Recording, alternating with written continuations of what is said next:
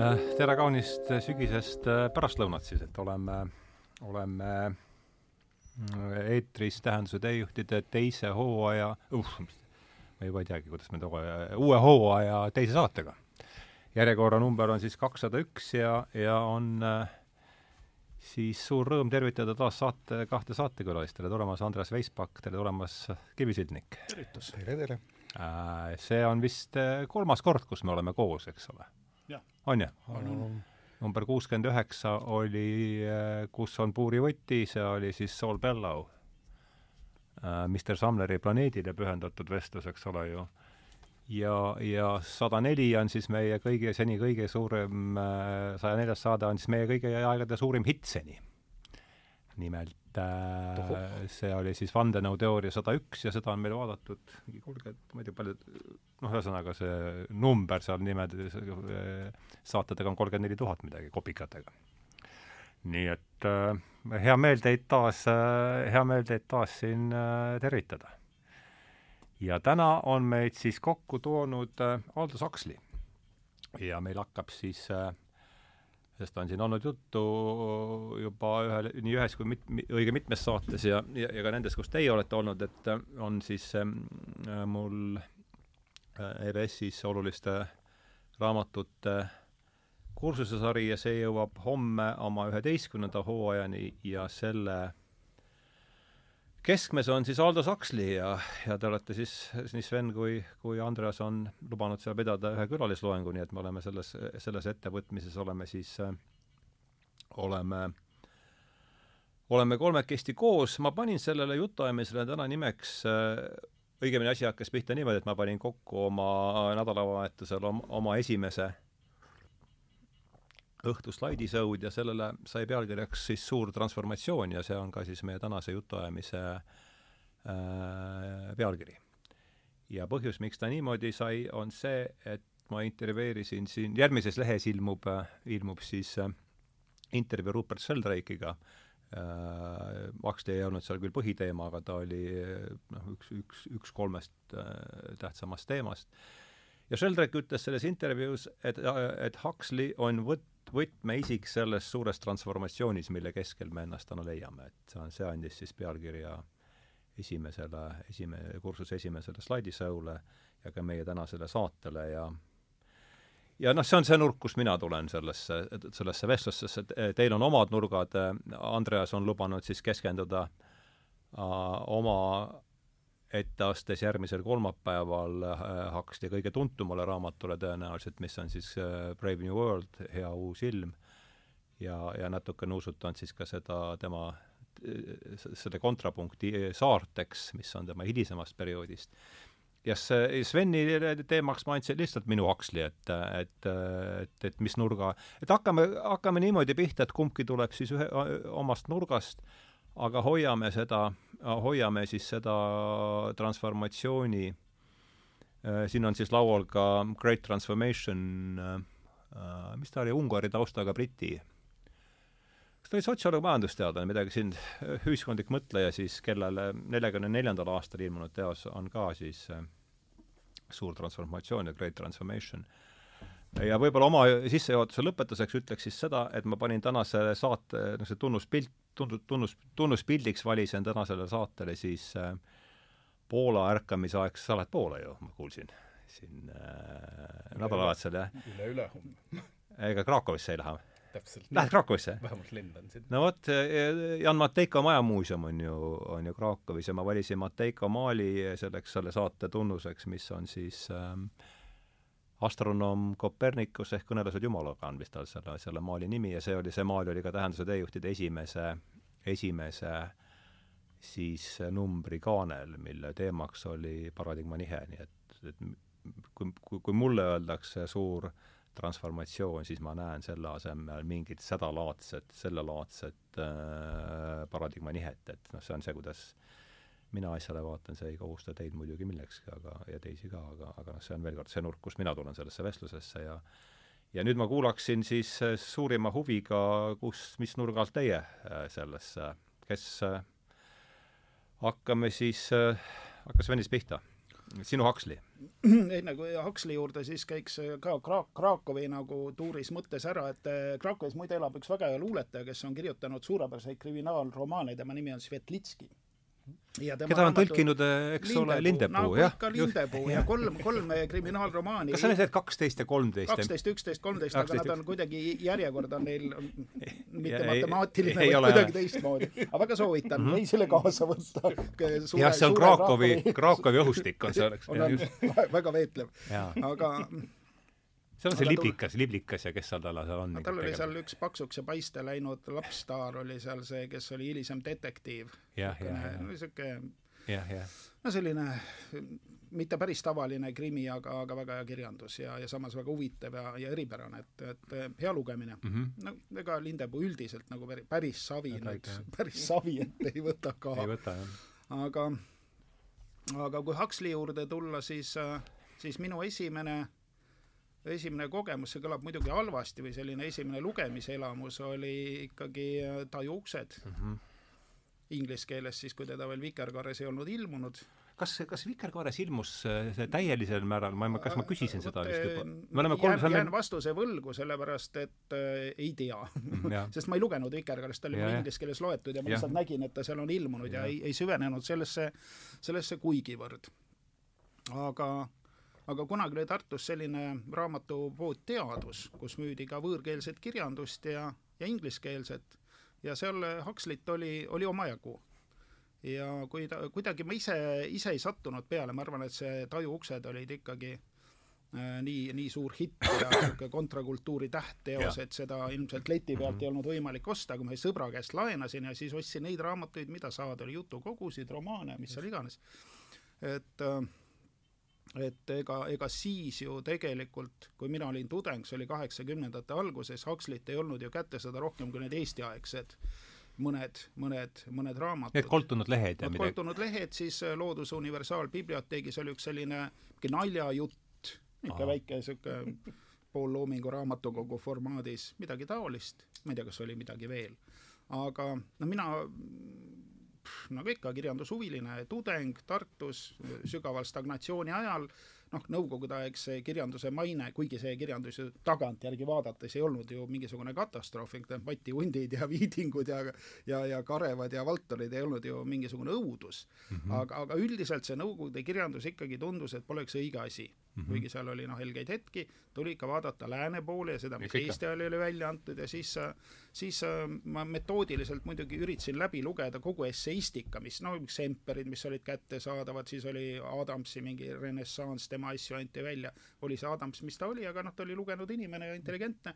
ja, ja sellist tüüpi materjali nagu noh, oli, oli võimalik saada, et ega meil ju mingisuguseid korralikke lääne kirjanduse ülevaateid, mis oleks muud kui niisugune sotsrealistlik kriitika ja propaganda, no väga raske oli saada. ja siis oligi noh, selliseid vana kooli autoreid ja, ja Huxley käis läbi nende, sellest esseistikast Aha. ja sealt tekkis minu huvi, aga, aga need Eesti-aegsest esseistikast, ja, ja no mis olid küll noh, need Semperid ja asjad mm -hmm. olid ju hiljem, hiljem välja antud ilmselt ka Douglast ja, ja no praegu ei oska öelda, kes seal täpselt, aga noh, ta oli, oli siis tuntud autor, eesti keelde tõlgitud autor ja, ja, ja mainekas autor, nii et temast räägiti. siis tekkis huvi, aga, aga selle, ütleme jah, sellist äh, enne noh, ütleme selle Eesti ajal välja antud materjali pealt nagu minul suurt vaimustust ei tekkinud. ma arvan, et see võib-olla oli ka liiga vara. Et noh, ma ei, mhm. ilmselt ka ei osanud siis hinnata noh, käsitööoskust, näiteks kirjaniku käsitööoskust, mina otsisin ikka rajumaterjali, et oleks ikka nii, et luu paistab ikka no,, et ja, ja noh, taju uksed muidugi sinnakanti läks väga hästi. Ja, ja siis nii, nii siis jõudsin mina Huxley juurde. Ja eks ma olen teda pärast nagu edasi lugenud millal sa lugesid Tajuksi siis, ütleb, see oli äh, see võis olla ikkagi seal kaheksakümnendate lõpus, sest, sest see tuli üsna varsti, kas üheksakümmend üks või midagi oli ta Vikerkaares no igal juhul enne, ma arvan, et noh, ma läksin kaheksakümmend kaks Tartusse, et see oli seal võib-olla no kolm-neli, no kuskil nii. jah, minu meelest oli üheksakümmend üks, aga ma ei ole päris kindel, aga seda saab muidugi järgi vaadata. aga, aga jah, see mina, mina sattusin kuidagi selle ingliskeelse, ikka, ikkagi see Nõukogude Liit oli kuidagi nii palju ikkagi selleks ajaks juba liberaliseerunud, et ja. sellist karvast kraami oli, oli liiklus, no see tempel, poetempel oli sees. Paperbacky seal mm -hmm. sisemisel küljel üleval nurgas oli niisugune mitu rubla ja kopikat ta siis maksis mm. -hmm. et seda ei olnud keegi nagu kontrabandina toonud kuskilt mm. -hmm. nii, kõik? jah Andres, sinu Huxley, mis on siis, ma saan aru, kursuse raames on küll fookus hea uus ilm, aga, aga see ei, ei ole ka ainumäärav Äh, mina lugesin ka Huxley't äh, noorena tegelikult. Äh, ma isegi mõtlen, kas ta võis olla kohustuslik kirjandus meil, aga igal juhul mm -hmm. mul oli no., mul oli kusagil teismelise eas, mul oli, mul oli etapp, kus ma lugesin nii-öelda erinevate düstoopiate ja utoopiate siis, siis kirjeldajaid või viljelejaid, et minu mhm. jaoks see maagiline kolmnurk oli alati, oli siis Huxley oli Orwell ja oli Ray Bradbury, kes oli kolmas, et ma nagu paigutan ta enda jaoks vähemalt mõtteliselt, eks, nagu sinna raamistikku uh,. ma ei ole, ma olen lugenud, ma tahaks öelda nelja, aga tegelikult kolm, kolme koma ühte ilmselt raamatut, sellepärast et sellepärast, jah, sellepärast et nägemise kunst oli, oli minu jaoks äh, tüütu ja igav ja sealt ma edasi teda ei, teda ei lugenud. aga ma ka, ma siis lugesin Head uut ilma mis ma arvan, teismelise eas oli tegelikult raamat, mis mind võib-olla kõige rohkem isegi mõjutas. sellepärast, et siin eile õhtul korra selle saate peale ka, selle saate peale ka mõeldes, ma lugesin teda inglise keeles ja ma käisin äh, eile raamatupoes enne seda, enne sedasama kursuse loengut, et osta mhm. eestikeelne tõlge ka, eks. ma just vaatan, millal eestikeelne tõlge tuli, aga, aga Äh, igal juhul äh, hea uus ilm, mis mõjutas mind kõvasti, et selle peale eile mõeldes mul siiani isegi tuli, tulid needsamad nagu leheküljed sellest ingliskeelsest raamatust Aha, kuidagi tulid silma ette, hoolimata sellest, et jah, sellest on ikka nüüdseks üle, üle kahekümne, jumal issand, kui vanad me juba oleme, üle kahekümne viie aasta tagasi, eks. siis ma lugesin äh, hooga peale sinna Saare mis nagu sa Aha. ütled, on aga sa lugesid Saart siis? ja, ja aga noh, ka eks Ammu, ma olin, ma olin võib-olla mingi seitseteist või kaheksateist, eks aga kui üks on siis pigem selline nagu äh, kuidas düstoopia. düstoopia, siis teine on nagu pigem utoopia jah, võib-olla kirjeldus siis. ja huvitav on see, et kuidas see mahub nagu ka ta enda ehk siis nagu elukäiku, sellepärast et Hea uus ilm on kirjutatud aastal tuhat üheksasada või ilmus, vabandust, aastal tuhat üheksasada kolmkümmend kaks vist ja Saar ilmus aastal siis kas kolmkümmend aastat hiljem, tuhat üheksasada kuuskümmend kaks. ja siis sinna vahele jäi veel selline raamat, mis ilmus aast-. mis sa ütlesid, Saar oli kuuskümmend kaks, jah? Saar oli kuuskümmend kaks. see on tal viimane luigelaul siis äh,? jah, ta suri vist kuuskümmend kolm. kuuskümmend kolm, samal päeval Kennedy'ga, kui Kennedy tapeti, jah. just see on ka oluline või sihuke huvitav.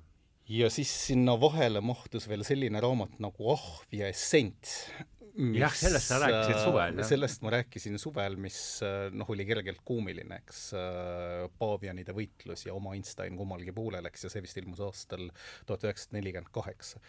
aga igal juhul oli ta, oli ta mu jaoks algusest peale sümpaatne. Ta oli hea uus ilm oli hästi lihtsalt kirjutatud ja, ja ma hakkasin nüüd tasapisi otsast vaatama ka seda eestikeelset tõlget, tegelikult ka eestikeelne tõlge, ta on lihtne lugemine mm. -hmm. et ma arvan, et äh, ma arvan, et kiire lugeja loeb selle raamatu ilmselt äh, ühe õhtu ja siis võib-olla natuke ööd sinna otsa läbi, et see ja. ei ole väga, väga keeruline.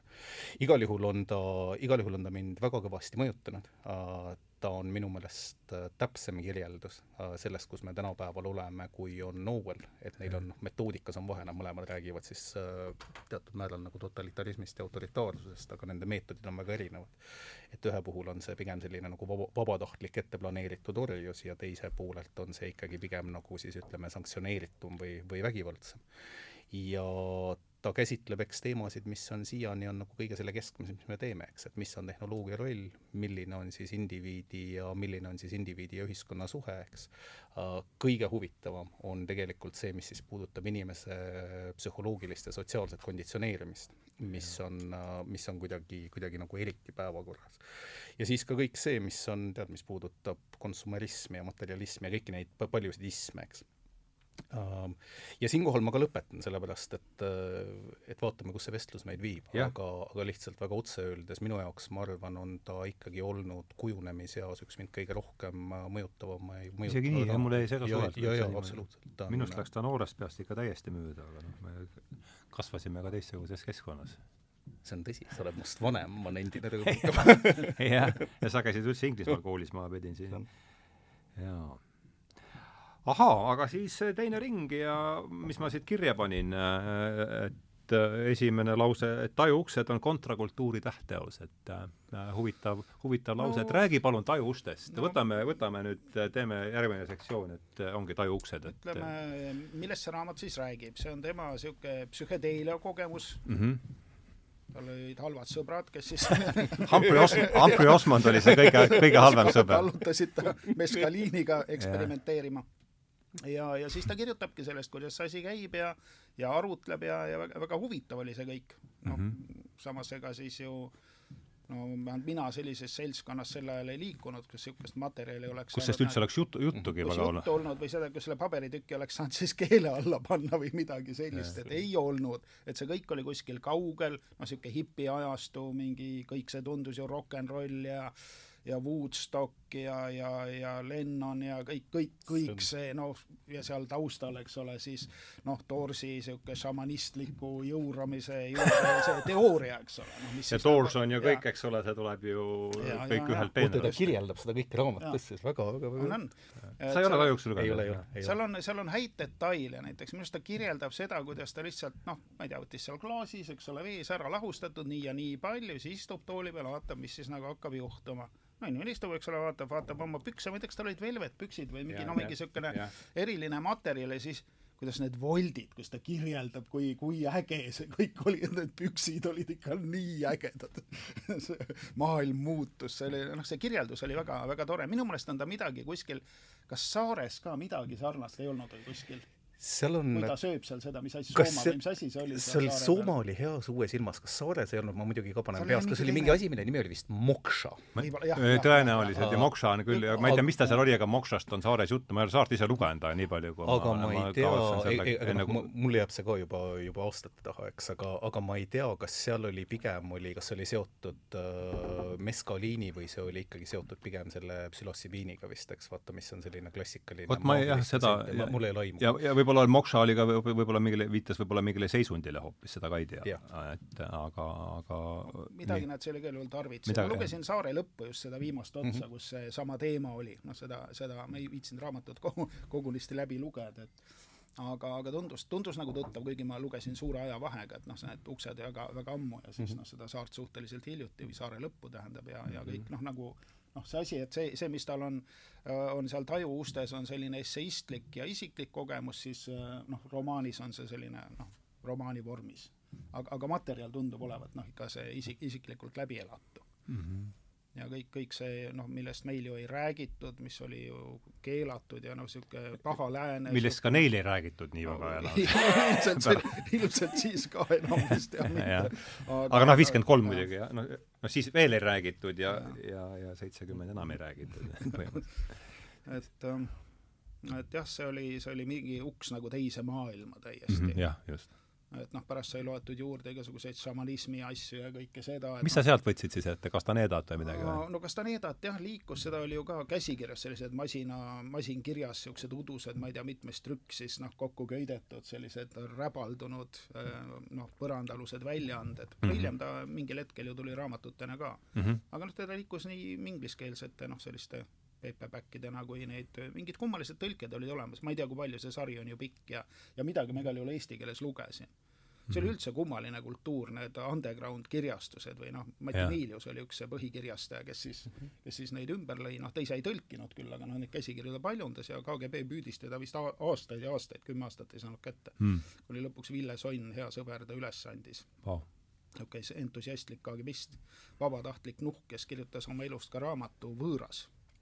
Ta oli, ta oli minu kehalise õppejõud. ma tean teda päris hästi, niisugune lõbusa jutuga, kogu aeg nali jooksis, niisugune noh, nii oma mees, kui üldse olla saab, see, vot selline tegelane oli Ville Sonn. Äh, kirjutas oma, võõras oli see või? Äh, jah. ma arvan, et ma ei eksi, niisugune kollase kaanega KGB märk oli veel kaane peal, niisugune õhuke pehmekaaneline romaan. niisugune Eesti Vabariigi algusaegadest et huvitav, huvitav materjal, ma arvan, et ta võib olla nii suur, nii, nii ammu jälle loetud, et ja, ja. nagu aga ma noh, Sonn ikka kirjutas luuletusi ka püssirohu keldrist, ikka jälle tuli lauda, tahad, ma loen naljakaid luuletusi luges midagi, millest midagi meelde ei jäänud, aga aga see, see raamat, noh, see tema enda Nuhi, Nuhielu raamat on meelde jäänud, see teema on huvitav. aga jaa äh. Jutt hajus ära muidugi Aksli pealt, niisuguse underground kirjastus. ega see ongi aga, aga sellises, sellises keskkonnas see liikus.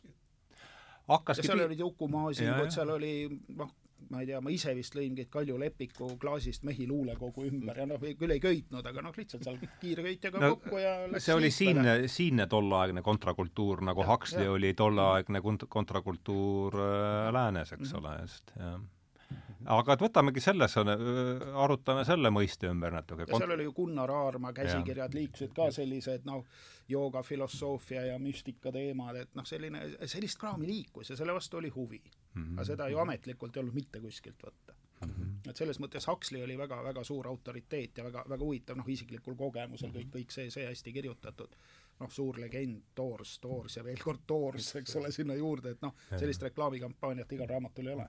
jah, muidugi, jah aga arutaksime, arutamegi järgmisena äh, selle, selle mõiste kontrakultuur, mis, mis tuu on, et et Huxley, nii palju me oleme tänase või hetkeks siis äh, rääkinud, et äh, Huxley oli osa lääne, lääne kontrakultuurist äh, ja need äh, põrandaalused trükikajad olid osa, osa siis äh, tolleaegsest Nõukogude kontrakultuurist, et äh, mis see, mis see on ja mis no, ajal, mis vorme see võtab? kaheksakümnendate alguses oli ikkagi pungiaeg Mm -hmm. olid siuksed no punk oli ka osa ju ja, kontrakultuurist. noh, aga see oli noh, et hipide aeg oli juba läbi, oli veel hipisid ka mm, -hmm. mingid ökulid ja kes sa ütleksid, et hi, punk tuli pärast hipisid siis?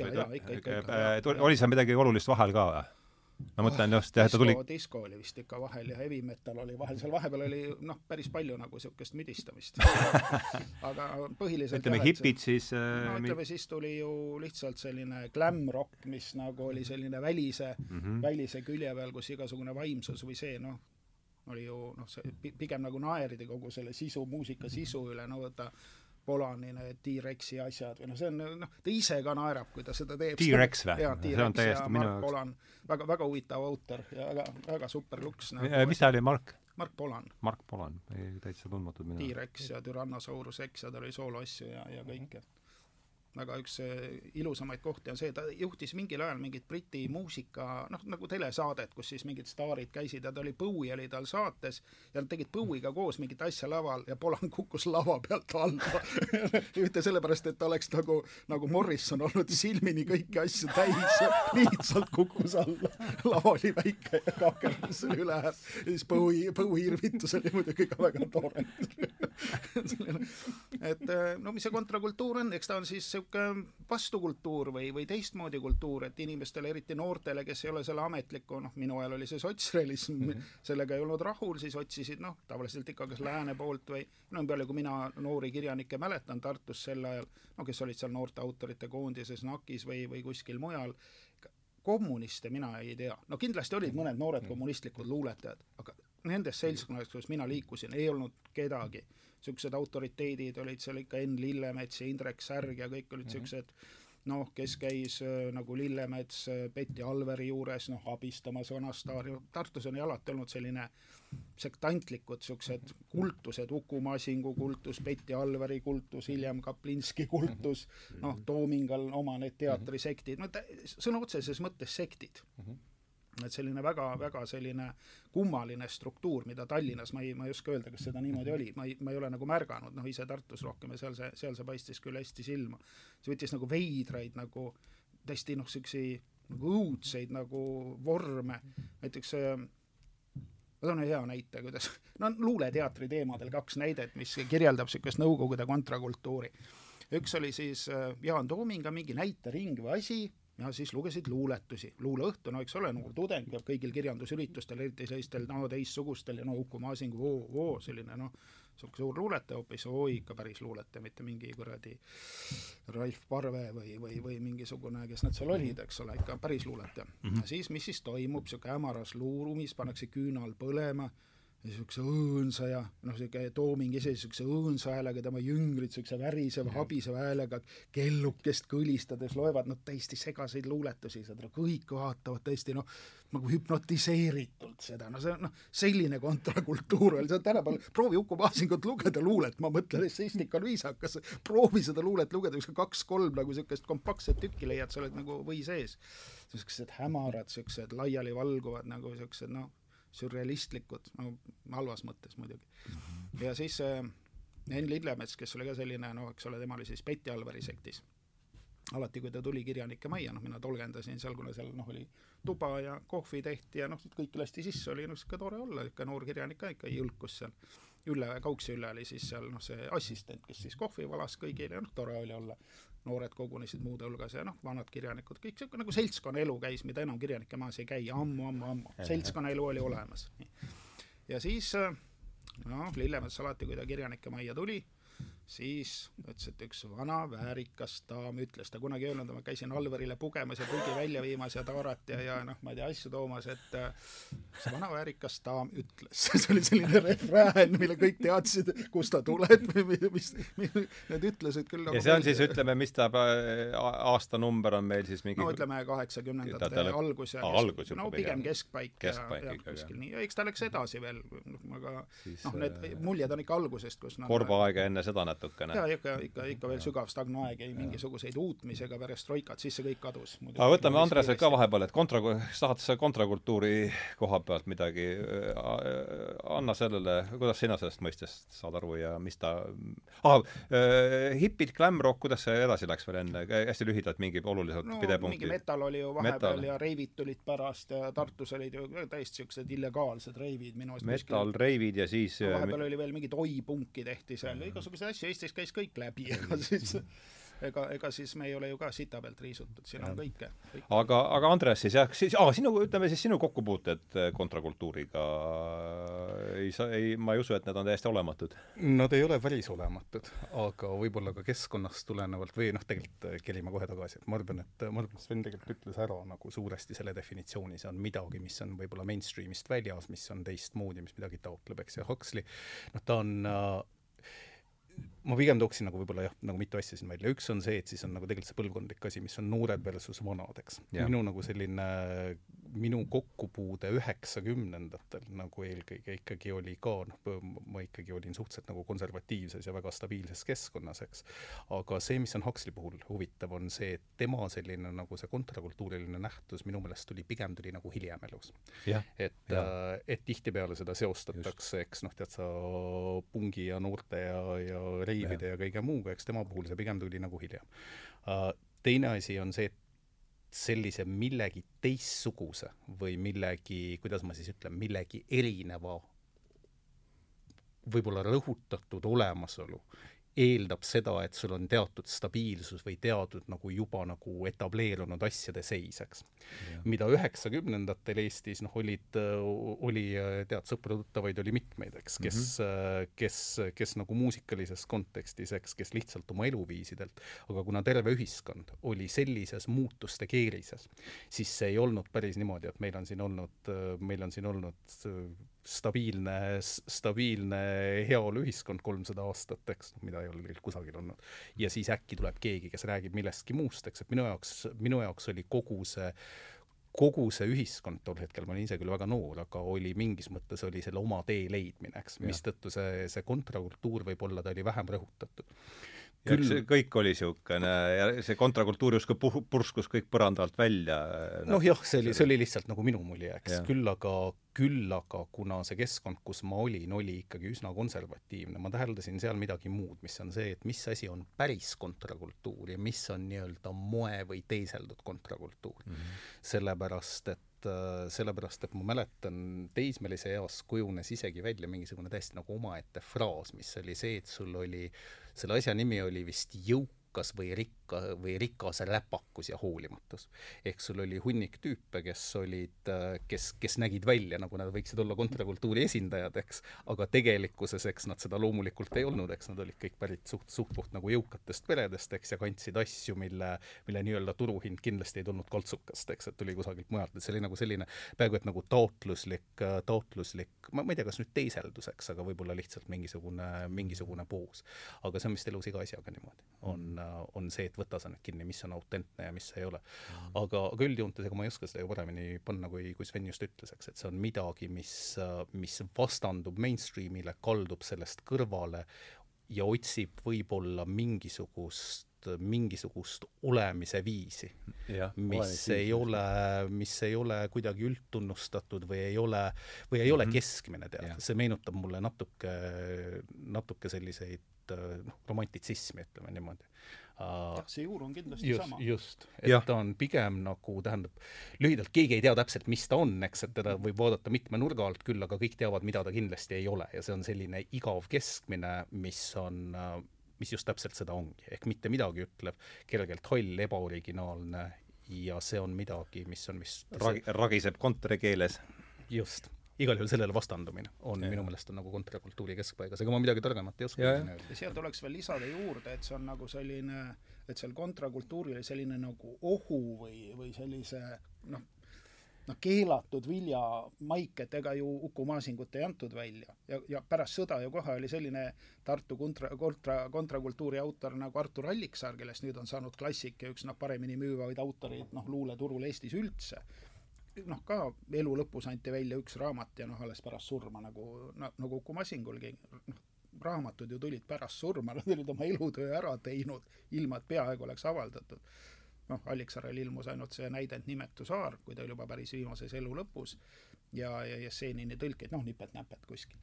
Uku Masingul ilmus Loomingus kuus luuletust ja Eesti Evangeelses Luterlikus Kirikus sellises ajakirjas ilmus siis esseid, muuhulgas ka William Blake'ist näiteks mm, -hmm. kust ma kus ma vist esimest korda üldse William Blake'i kohta lugesin täpselt nagu Ameerika Hääl näiteks oli vahepeal selline, selline vastukultuuri väljaanne, kus räägiti James Joyce'ist ja Uku Masingust.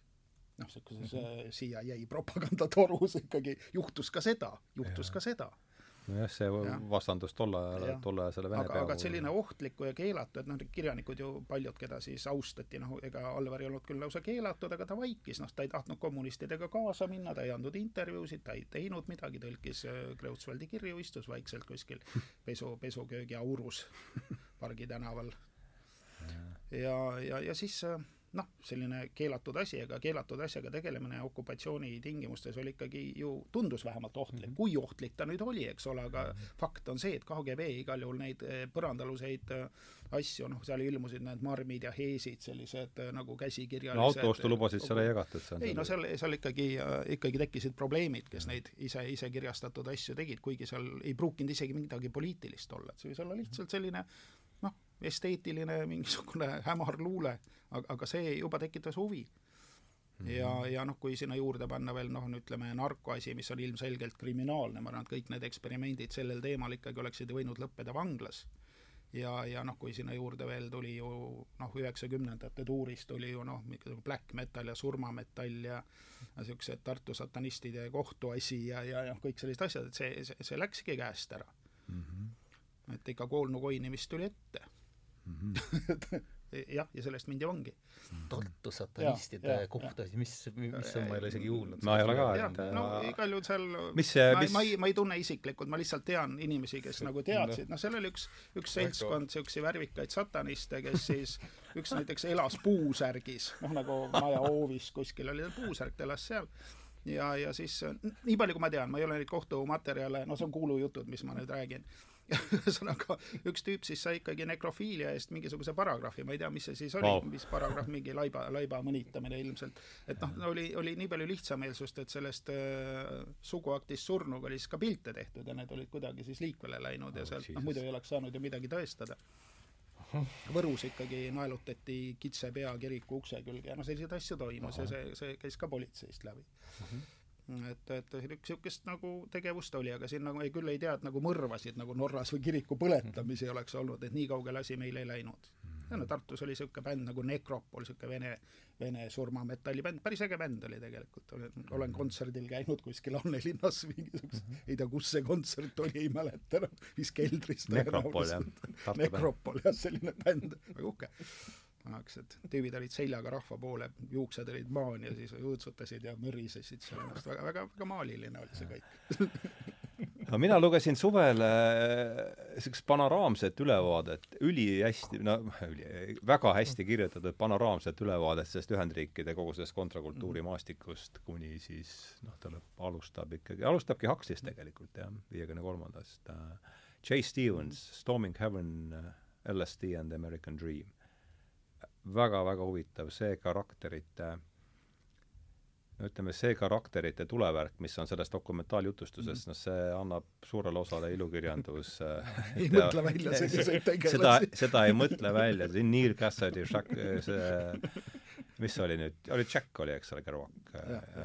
ja no William Burroughs. ja William Burroughs ja see, täiesti, see oli just see Neil Cassidy, kes, võiks, me tegime küll sellest Kerouaci Hunter tei- Thompson oli vist kõige hilisemal Kes- kes?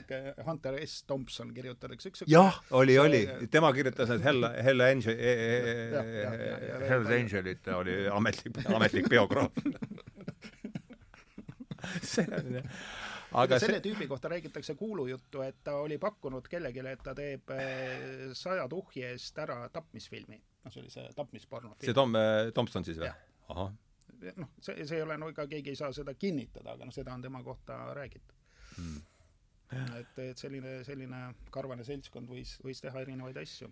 Nüüd Aksi juurde, see kuidagi nagu Huxley'ga, Huxley'ga Ja väga ei Huxley haaku. liikus ju pigem ikkagi klassika poole, see Ja, ja. filosoofia Berrennis on ikkagi ju Ja. puhas konservatiivne materjal, noh, ütleme maailma kõige kõige vanematest tekstidest, mis tegelevad vaimsuse no me hakkasime jah rääkima, üldse mitte me hakkasime rääkima Jah. kontrakultuurist äh, laiemalt, millest Huxley on ikkagi üks väga, väga väike, väike nurgak, et teda Tartu satanistidega et, et seda aga ta sobib, ei, ta sobib sellesse, sellesse voolu ja sellesse konteksti, aga ise ta ei läinud selles suunas. Kuigi tal see, mis see nõia põletamise kohtuasja raamat oli? see on see Devils of äh, Mr Ludon Ludon,, jah. Et, et. seda, see ta käis ju läbi selle ka, et ta ikkagi selliste teemade vastu tundis huvi, et selline noh, nunna klooster, kus Jaa. siis terve klooster nagu sattus saatana meelevalla alla, noh niimoodi ja tegid siis seal kõike satanistlikku. et, et selle vastu ta tundis huvi, aga, aga ta ikkagi liikus sinna nagu valgema poole peale. ja, ja ta, jah, et ta pani aluse sellele noh, ütleme niisugusele pigem nagu sellele mustale nagu teemale, aga ise liikus samm-sammult tegelikult noh, nagu minu meelest nagu mõistuse ja, ja Just. traditsiooni ja, ja hingepäästmise suunas. jah, jah. et eh, kui nüüd, kui nüüd selle vestluse kontekstis ma oleme, oleme siis äh, oleme siis praegu viiekümne kolmandas aastas ikkagi Taju ustes ja seal kirjutab J siis J Stevens, et tuhande üheksasaja viiekümne kolmandal aastal ulatas närviline Osmond Aldo Saksile meskaliini kristallidega vesilahuse. aa, Smith ja Osmond oli, Smithi ja see Humphrey Osmond oli siis see halb sõber, kellest kellest sa siin eelpool rääkisid ja nende, nemad uurisid siis psühhoosi ja skisofreeniat. ja nad arvasid, et, et meskaliin võib olla selles suhtes siis äh, vahend, mis võimaldab seda seisundit niimoodi korraks kunstlikult tekitada, et tohter saaks aru siis, mis, mis siis, mis siis selle noh, patsientidega toimub. see oli see kunstlik, see, see oli selle asja esialgne, esi, esialgne mõte mm. -hmm ja, ja siis on, see on nüüd otsene tsitaat, kuigi selleks ajaks oli Smithies ja Osmond hakanud taipama, et meskaliini kogemus on midagi sootuks enamat kui tavaline psühhoos ei vähendanud see ohtu, et järgmised kuus tundi võivad katse, katsealusele kujuneda täiesti põrgulik, põrgulikuks. Osmondile ei pakkunud erilist rõõmu väljavaade saada kuulsaks inimesena, kes ajaks hullu, kes ajas hulluks Aldo Saksli et noh, Huxley oli selleks, just see on väga oluline, et Huxley, eks, ei olnud mingi niisugune noor punkar, vaid see meskaliini katse temal oli siis aastast viiskümmend kolm, kui ta oli kuuekümne 60 viiekümne üheksa, ta sündis kuuskümmend neli, siis ta pidi olema, mis ta siis tuleb seal oota, mis ta, ta sündis üheksakümmend neli? ta sündis üheksakümmend neli ja kuus aastat juurde, siis tuleb viiskümmend üheksa, ta oli viiekümne üheksa aastane siis, jah. nii et Taju uksed tuli vist viiskümmend neli, eks. no ta hakkas seda kohe kirjutama, et millal ta välja tuli, nii et võimalik. numbrimälu on olematu, et ei mm, -hmm. ei tea.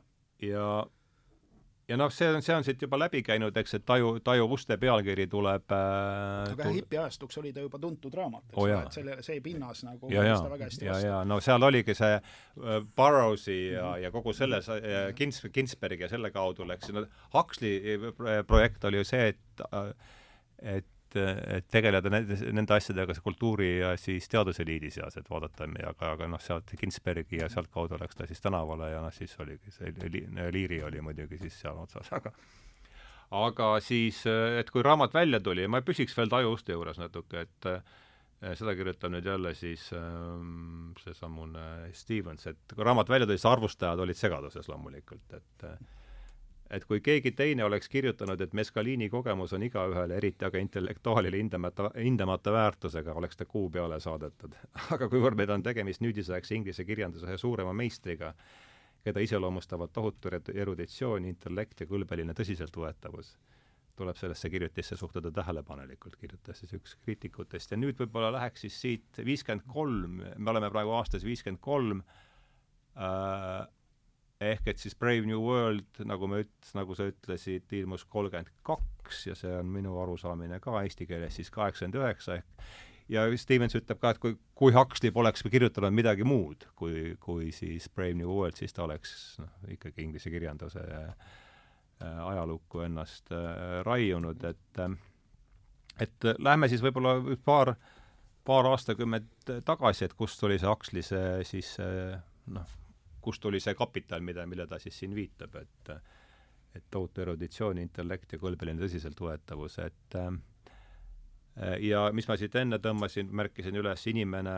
inimese sotsioloogiline ja bioloogiline kondi-, konditsioneerimine, et et see on ju üks, üks võtmeteemasid seal siis heas uues ilmas, et ole hea, Andres, hakka siit natuke seda asja kangutama uh, no ta oli, äh, ta oli selgelt, ta oli hästi haritud, eks. ta oli minu meelest oli, kas ma mõtlen, kas, kas Owen oli isegi ta prantsuse keele õpetaja vist mingisugusel hetkel. aa, ei kurat, ta, ma olen teda palju kuulanud, aga sellest pole juttu olnud. aga igal juhul, olgu sellega, kuidas on, eks, et ta on, selgelt on ta hästi, on ta hästi haritud ja mulle tundub, et see nii-öelda inimese konditsioneerimine aga võib, ma ei välista seda muidugi ja psühholoogiline kujundamine, see, see, see, et saatan võtab nunnakloostri üle, see kõlab nagu täpselt, täpselt sellest, sellest repertuaarist. see, see on ajalooline romaan ikkagi, mis põhjal tõesti ja. sündinud lood ja kohtumaterjalidel on väga põhjalik, tõesti Just. nagu väga-väga hea ajalooline töö. sa oled ise lugenud seda? vot seda ma tahaks ka lugeda veel enne, kui ma ise hakkan seal noh, ta on ikkagi paras nagu puremine, ega ta ei lähe ta on, nagu lõbusalt, aga ta, ta on, materjal on ääretult huvitav oota, mis selle nimi veel kord oli? Devils of Ludon vist, oli Ludon või? jah, jah, jah, oli küll igal juhul jälle, nii palju kui ma mäletan, ega ma ei ole ju ka, ma ei ole ju ka nii-öelda, nii-öelda nagu Huxley, Huxley elulugu mul peas ei ole, aga minu meelest ta kirjutas, ta kirjutas Hea uue ilma kas vastureaktsioonina ühe, ühele Wellsi raamatule. võis olla küll, jah. mille nimi ja... oli kas Inimesed nagu jumalad või midagi, midagi sellist. inimjumalad on ta vist mm. -hmm. või eesti keeles jah, just võib-olla täitsa, täitsa võimalik, et ma ei ole ka, ma ei ole eesti keeles, ma ei ole teda ei näinud ega lugenud kus siis oli pigem selline nagu utoopia kirjeldus äh, ühiskonnast, mis oli harmooniline, kus ei olnud valitsust, sellepärast et nagu nad ise ütlesid, siis haridus on meie valitsus. ja siis ta, ja siis selle pealt tuli tegelikult, tuli hea uus ilm, mis äh,, mis mis siis kirjeldab, noh, kirjeldab, kirjeldab ikka nagu üsna nagu düstoopilist äh, ühiskonda, eks, mis kus on siis, kus on siis sisuliselt inimesed juba sünnist saati konditsioneeritud eri sotsiaalsetesse klassidesse, siis alfa, alfadest kuni üpsilonideni välja. ja seal on siis sellised, see on, see oli, see oli üks asi, mis mulle alati meelde on jäänud, on, selle asja nimi vist oli Bokanovski protseduur mm. -hmm mille alusel siis, siis tegelikult juba, juba, juba munarakkudest saadik tegelikult siis inimesi, inimesi konditsioneeriti olema ja olema rahul sellega, kes nad parajasti olid ja mis oli nende roll või nende siis nagu kast ühiskonnas, olgu nad siis alfad või beetad või, või nii edasi, eks. ja tegevus siis toimub, toimub tegelikult Londonis Uh, ühiskonnas, millel on uh,, mille moto on siis ühtsus, identsus ja stabiilsus ja sealt käivad läbi sellised, äh, sellised bürokraatia klassikud nagu Kesk-Londoni haude- ja kohandamiskeskus.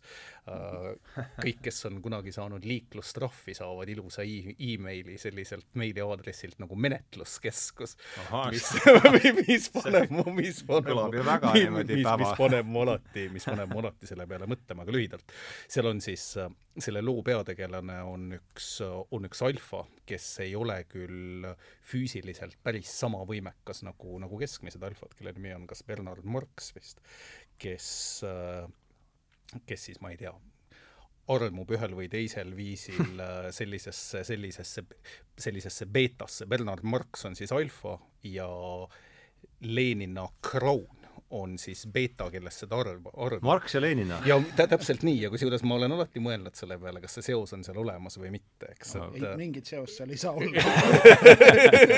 Et Bernard Marx ja Lenina Crown, võta sa kinni, võta sa kinni, sellepärast et kui maailma valitseja või üks maailma kontrolleritest on Mustafa Mond, siis, siis ma püüan mõelda, kust tuleb see ja muidugi ja. see, et ja muidugi see, et seal, sealt käib läbi ka tegelaskuju, kelle nimi on metslane John mm, -hmm. uh, on uh, noh, võib-olla viitab sellele samale inimlikkusele, aga igal juhul ühte või teistpidi ta siis kirjeldab seda ühiskonda, see, kuidas kõik on, see, kuidas kõik on ikkagi suuresti ette määratud, see, kuidas igal sotsiaalklassil on oma roll, see, millised sotsiaalsed klassid lävivad teistega uh,, seal on ilmselt täpselt samamoodi nagu siis, nagu siis Moksha Pala saarel, siis tema, tema raamatus Saar, on seal siis maagiline sooma, mis on mm -hmm. sisuliselt, äh, kutsume seda siis, kutsume seda siis rahustiks või antidepressandiks või, või ükskõik milleks, eks, mis on siis, mis on siis aine, mis põhimõtteliselt teeb kõik õnnelikuks. ja ja noh, ongi, sul on olukorra kirjeldus kuni selle hetkeni, kus siis, kus siis äh, Bernard äh, suundub, suundub reservaati kus on, kus ta siis saab kokku metslase Johniga, kelle ta toob ühiskonda tagasi ja siis see raamat ise kirjeldab pikalt seda, millised on Johni muljed ühiskonnast, eks kuidas, kuidas ühiskond teda vaatab, kuidas ta proovib seal korraldada, ma ei mäletagi, kas see oli gammade või üksi, üpsilonide mässu uh,. igal juhul see asi, see asi lõpeb, lõpeb õnnetult selles mõttes, et John, et John ühel hetkel uh, otsustab, otsustab surra, eks, sellepärast et et ta ei suuda elada, kuna tema on üles kasvanud sellises, sellise Shakespeare'i likkusi individualismi või siis noh, nagu tundlikumas vaimus, siis ta ei, siis ta lihtsalt ei suuda vastu pidada sellele, et see on ühiskond, mis on nii ära reglementeeritud, et seal on igasugune nagu isikustatus ja eelkõige nagu emotsionaalne sügavus ära võetud, eks ja see on nagu noh, ma olen lihtsalt põgusalt nagu kirjeldanud selle raamatu nagu, nagu põhituuma, eks, aga see, aga see lugu ise on, see lugu ise on, pani minu mõtlema, vähemalt juba siis, kui ma seda esimest korda lugesin, et kas siin kirjeldatakse tulevikuühiskonda või siin tegelikult kirjeldatakse ühiskonna, ühiskonda sellisena, nagu ta, nagu ta on. Äh, ja kui me vaatame edasi siin geenitehnoloogiliste eksperimentide peale, siis milliseks see kõik võiks kujuneda viie, viiekümne aasta pärast, eks kuule, aga nüüd ma lõpetan, ma kaua ma siin ikka head uut ilma ümber räägin, eks. jah, ühiskond, kus see emotsionaalne sügavus on, on kadunud äh,. ma mõtlen, mis, kus me siin ajaliselt oleme, et me ei ole, hakka esimese tund, esimene tund hakkab läbi saama, et mm, peavool ja, ja kontrakultuur, kui ta nüüd selles, kui nüüd selles raamistikus üritada mõnda aega veel pusida, et siis see ma kuul-, kui ma nüüd Andreast kuulasin, siis mul tuli meelde teine inglise autor, kaasaegne inglise autor, kellest me oleme siin äh, päris pikalt, päris pikalt äh, või nii ühel kui teisel juhul rääkinud nii saadetes ja, ja kelle raamat äh, Metsikud jumalad ilmus ka siin meie sarjas eelmine aasta, nimelt siis Paul Kingsnorth, kes üt-, kes kasutab siis selle äh, kaasaegse ühiskonna iseloomust, iseloomustamiseks sõna the machine. ehk et siis masin äh, ja, ja tema suurepärane essee on Rist, rist ja, rist ja masin, äh, kus ta siis, ta proovis siin ka igasuguseid, katsetas igasugust, alustas radik-, suhteliselt radikaalse siis keskkonnaaktivistina, siis äh, proovis ka ühe, katsetas ka ühe niisuguse neo, kaasaegse neopaganistliku usundiga, aga nüüd paar aastat tagasi äh, pöördus, nagu ta ütleb, eneselegi ootamatult siis äh, Rumeenia õigeusku. ja, ja just see tema, aga, aga mitte niivõrd, ja ta, Tiit Aleksejeviga meil oli selle aasta esimeses lehes oli tema, oligi, me rääkisime sisuliselt ähm, Paul Kingsnorthist ja just see, et mulle tundub, et kui me nüüd räägime kontrakultuurist ja, ja et see on välja kasvanud, palju see aluspõhi on seal romantis-, romantism mingi, mingil määral, et siis me jõuame ikka selliste põhi, põhilisemate vastandusteni, et see on ikkagi reaktsioon mingi sellisele masinlikule, masinlikule maailmanägemisele ja masinlikule elutunnetusele, et äh, katsume viskan selle palli välja siit, mis, palun teil sellega jätab edasi mängida, et uh, The Machine nojah, ma kujutan ette, et no mina ise ei ole ju Inglismaal õppinud ega Inglismaal elanud, aga aga lugedes näiteks väliseestlaste noh, kirjeldusi Inglismaast, siis ma, kas ma arvan, et see oli Elin Toona mm -hmm. noh, kes elas Inglismaal ja, ja tema see pagulaselu sugugi mitte lõbus ega magus seal ei olnud. ja ta tõi sellise hea näite, et äh, kui Kanada või Ameerika väliseestlane, selline kirevalt riides, suure, noh, pildistatud mm -hmm. siis suure maja või ilusa auto taustal, siis äh, Inglise väliseestlane, niisugune norgus äh,, tumeda mantliga, mõlemi käe otsas niisugused toidukotid ja ta seisab bussipeatuses, sest noh, selles klassiühiskonnas ei olnud võimalik nagu karjääri teha. said kuskile lihttööliseks, lapsehoidjaks, ma ei tea, metsalangetajaks ja sinna sa jäid.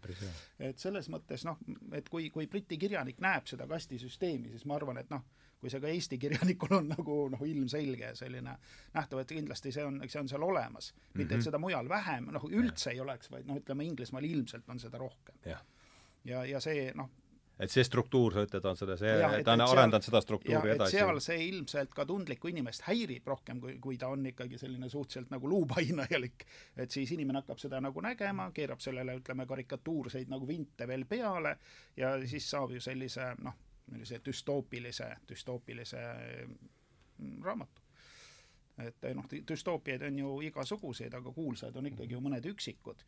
et minu meelest võib-olla oluline oleks mõelda või natuke arutada sellel teemal, et miks just noh, tulevikust on kirjutatud ju väga palju ulmeraamatuid, enamus neist on täiesti väärtusetud. ei oma mitte mingisugust ei ettekulutusväärtust, ei mingit analüüsiväärtust, noh, rääkimata stiilist või, või kõigest sellest. ütleme, vanematel rohkem, uue, uuematel peaaegu üldsegi mitte.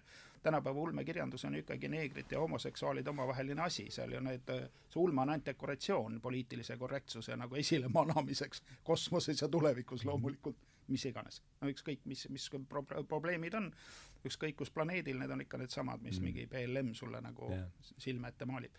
et, ähm, et selles mõttes Huxleys on ju midagi, mis ikkagi, kui inimest loetakse, kui ta on klassik, siis on seal mingi põhjus yeah. ja, ja Huxley'l ilmselgelt on see, et ta midagi väga valusat on puudutanud, mingeid arenguid ette näinud, noh neid muidugi üle võimendanud igatepidi ja, ja, ja sellepärast ta töötab et ähm, mina, mina pean teda küll, et noh, isegi kui see raamat näiteks noh, ei ole väga huvitav, no nagu noh, Saar näiteks, et võib-olla ta romaanina ei ole nagu nii suurepärane, aga, aga samas noh, noh, noh, et ta on ka kirjutanud ju mõlemad pooled läbi, eks ole, et noh, sellise nagu negatiivse poole, eks ole, heas uues ilmas ja siis sellise nagu, nagu positiivse Positiivse. poole, kuigi ma saan aru, et see saar ilmselt seal ka läks nagu õhtul ikkagi kas mingi nafta varude pärast ja, või, või ühesõnaga see, see nagu tundus, et seal noh, koidab ikkagi mingisugune katastroof kogu selle noh, ilusa, ilusa, ilusa ühiskonna taustal või kuskil läheduses mm. -hmm.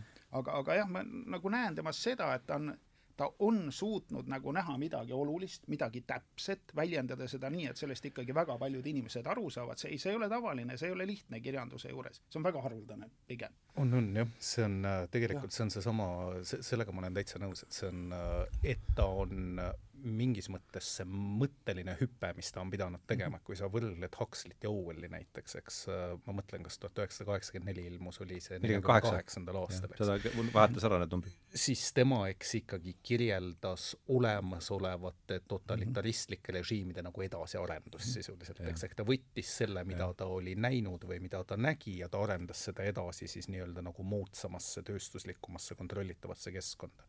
Huxley, eks, kes, kelle raamat ilmus kuusteist aastat varem kujutas ette, noh, võimalik, et seal oli see nii-öelda, ma ei teagi, mis see Roaring Twenties on, eks USA-s või see nii-öelda noh, möörgavad kahekümne. möirgavad kahekümnendad jah, et äh, ma ei tea, kuivõrd see, sest et ta elas, ta kolis USA-sse ühel hetkel kolmekümnendate lõpus minu meelest.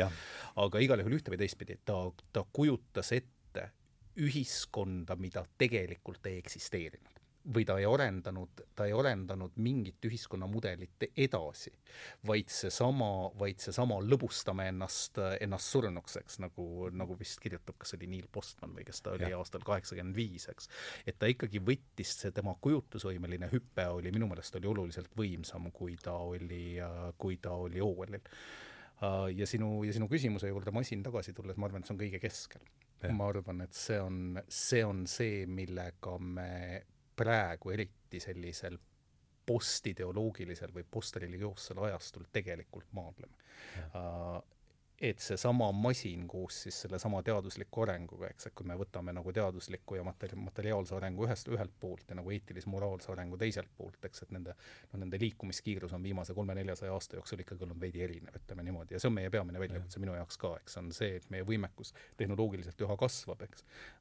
kas meie nagu moraalne ja eetiline võimekus suudab sellega sammu pidada, see on keskne, eks aga inimesed Stevensi raamatus oli ka Smart Monkey on saanud endale just. kätte niisugused äh, asjad, millega ta ei no just tu-, tu-, tuumapommidega gorillad, eks, nagu nagu siin, nagu siin mõned ütlevad, aga ta on, aga ma arvan, et ka individuaalsel tasandil, eriti teatud põlvkonnal ja ma ei tea, kui suur see põlvkondlik vahe on, sest et, äh, sest et äh, noh, võib-olla noored on lihtsalt noored, eks, ja võib-olla nad on elurõõmsamad, võib-olla neil organism kasvab, võib-olla nad tajuvad, et kõik on ees, eks, ja siis, ja siis vanemad inimesed vaatavad tagasi ja heietavad ja mõtlevad selle aja, mõtlevad selle aja peale, kus veel loeti raamatuid, eks, ja, ja oldi mingil määral üksinda, eks.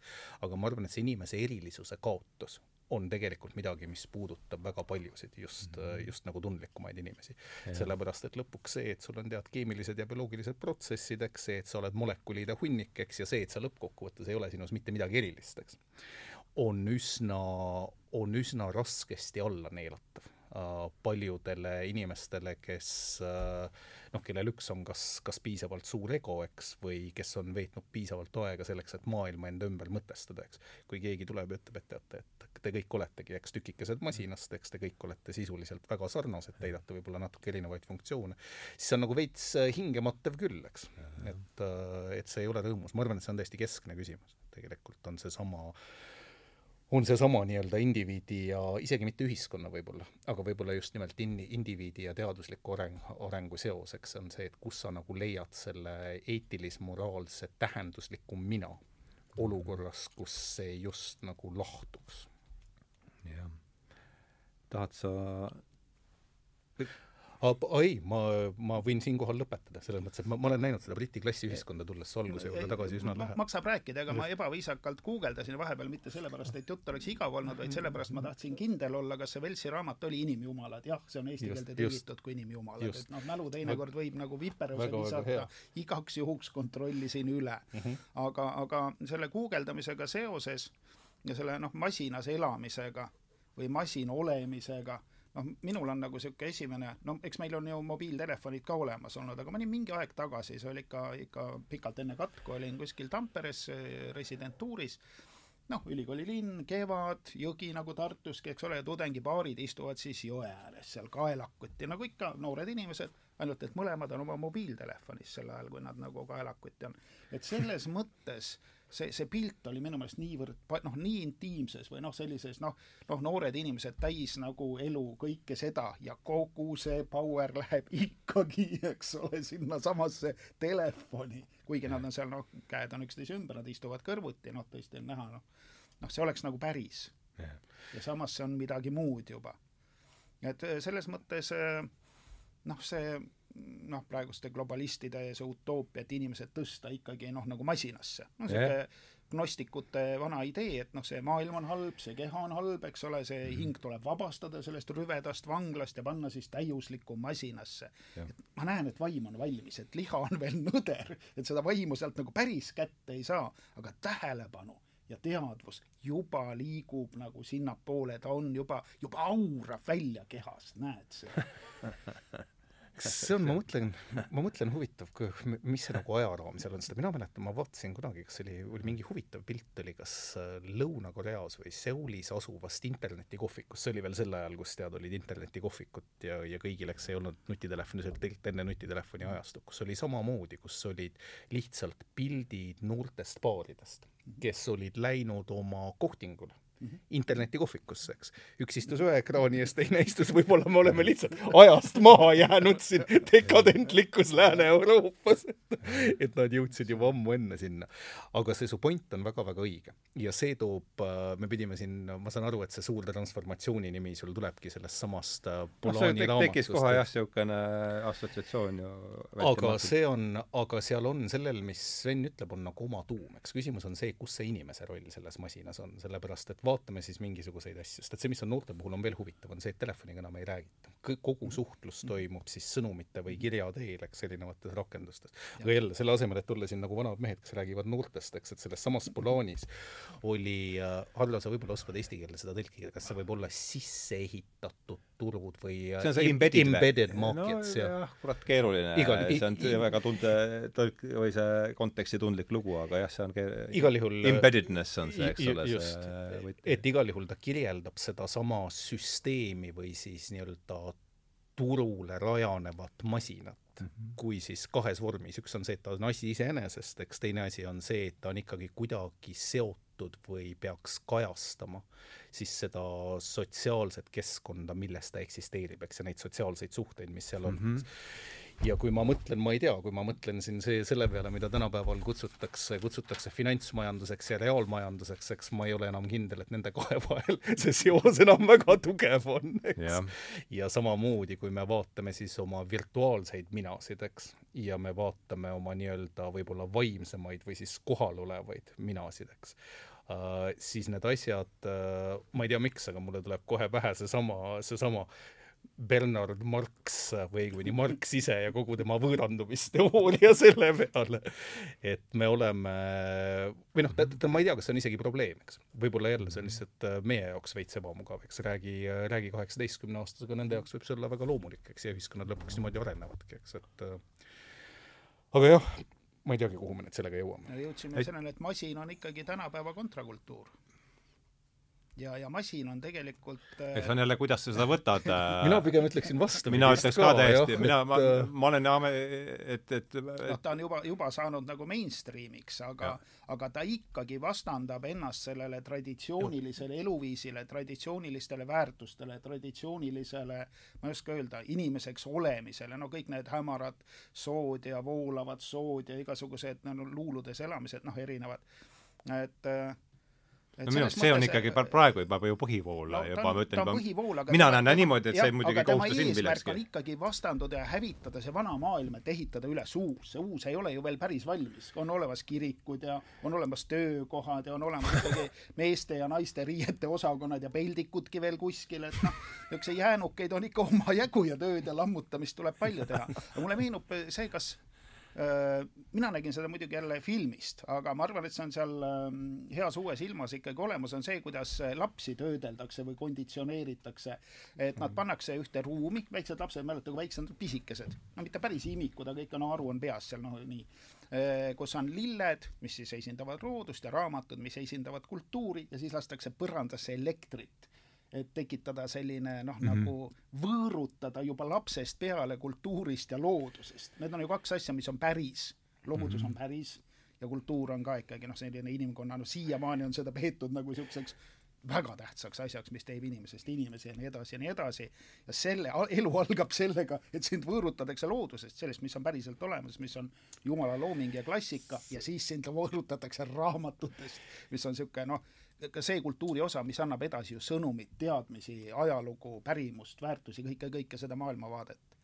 et minu arust see on väga nagu väga ilus ja väga tabav ja väga nagu õudne koht selles, selles nagu tead, see viib meid see on nüüd heas uues ilmas, jah? jah mm. -hmm. see viib meid otse sellesama, vaata selle alguses mainitud Ray Bradbury juurde mm. -hmm. ja see Fahrenheit Vot teda ma ei ole lugenud.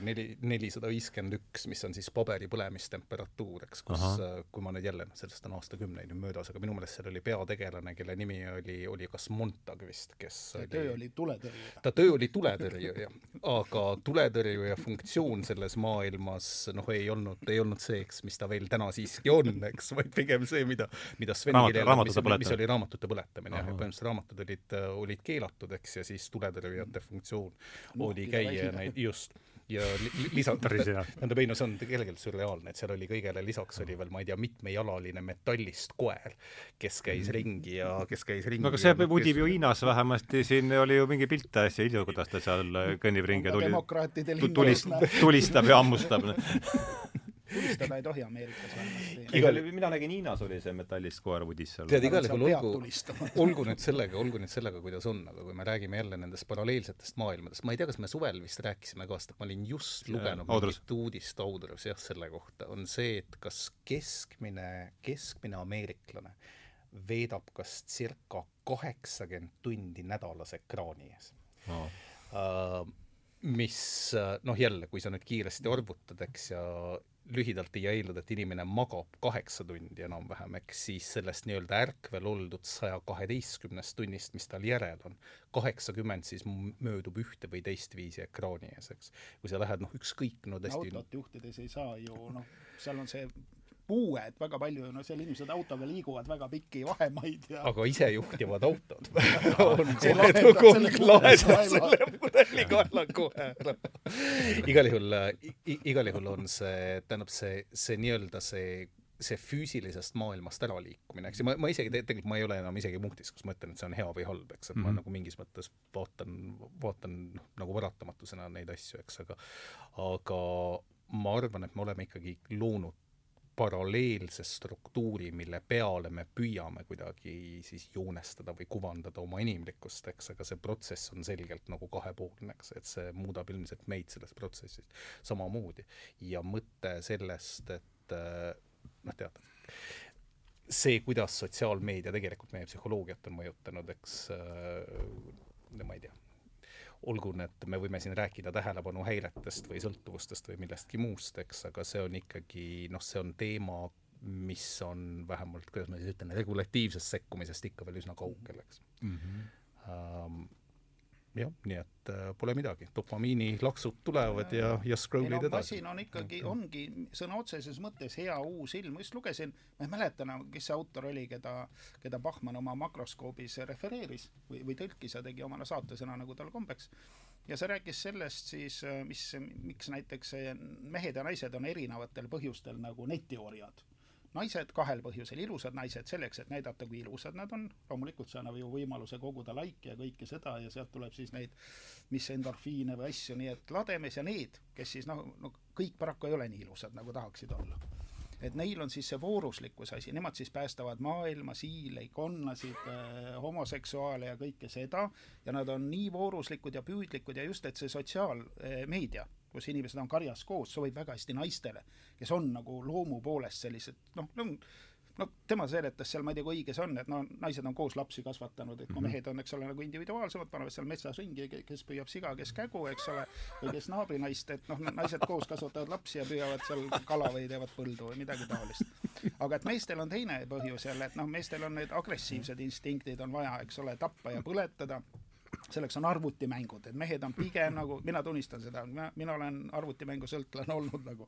Ja mitte ainult sõltlane, vaid maailmameister, nii kõva sõltlane, et see sõltuvus on viinud ikkagi nagu noh, tõsisele tulemusele.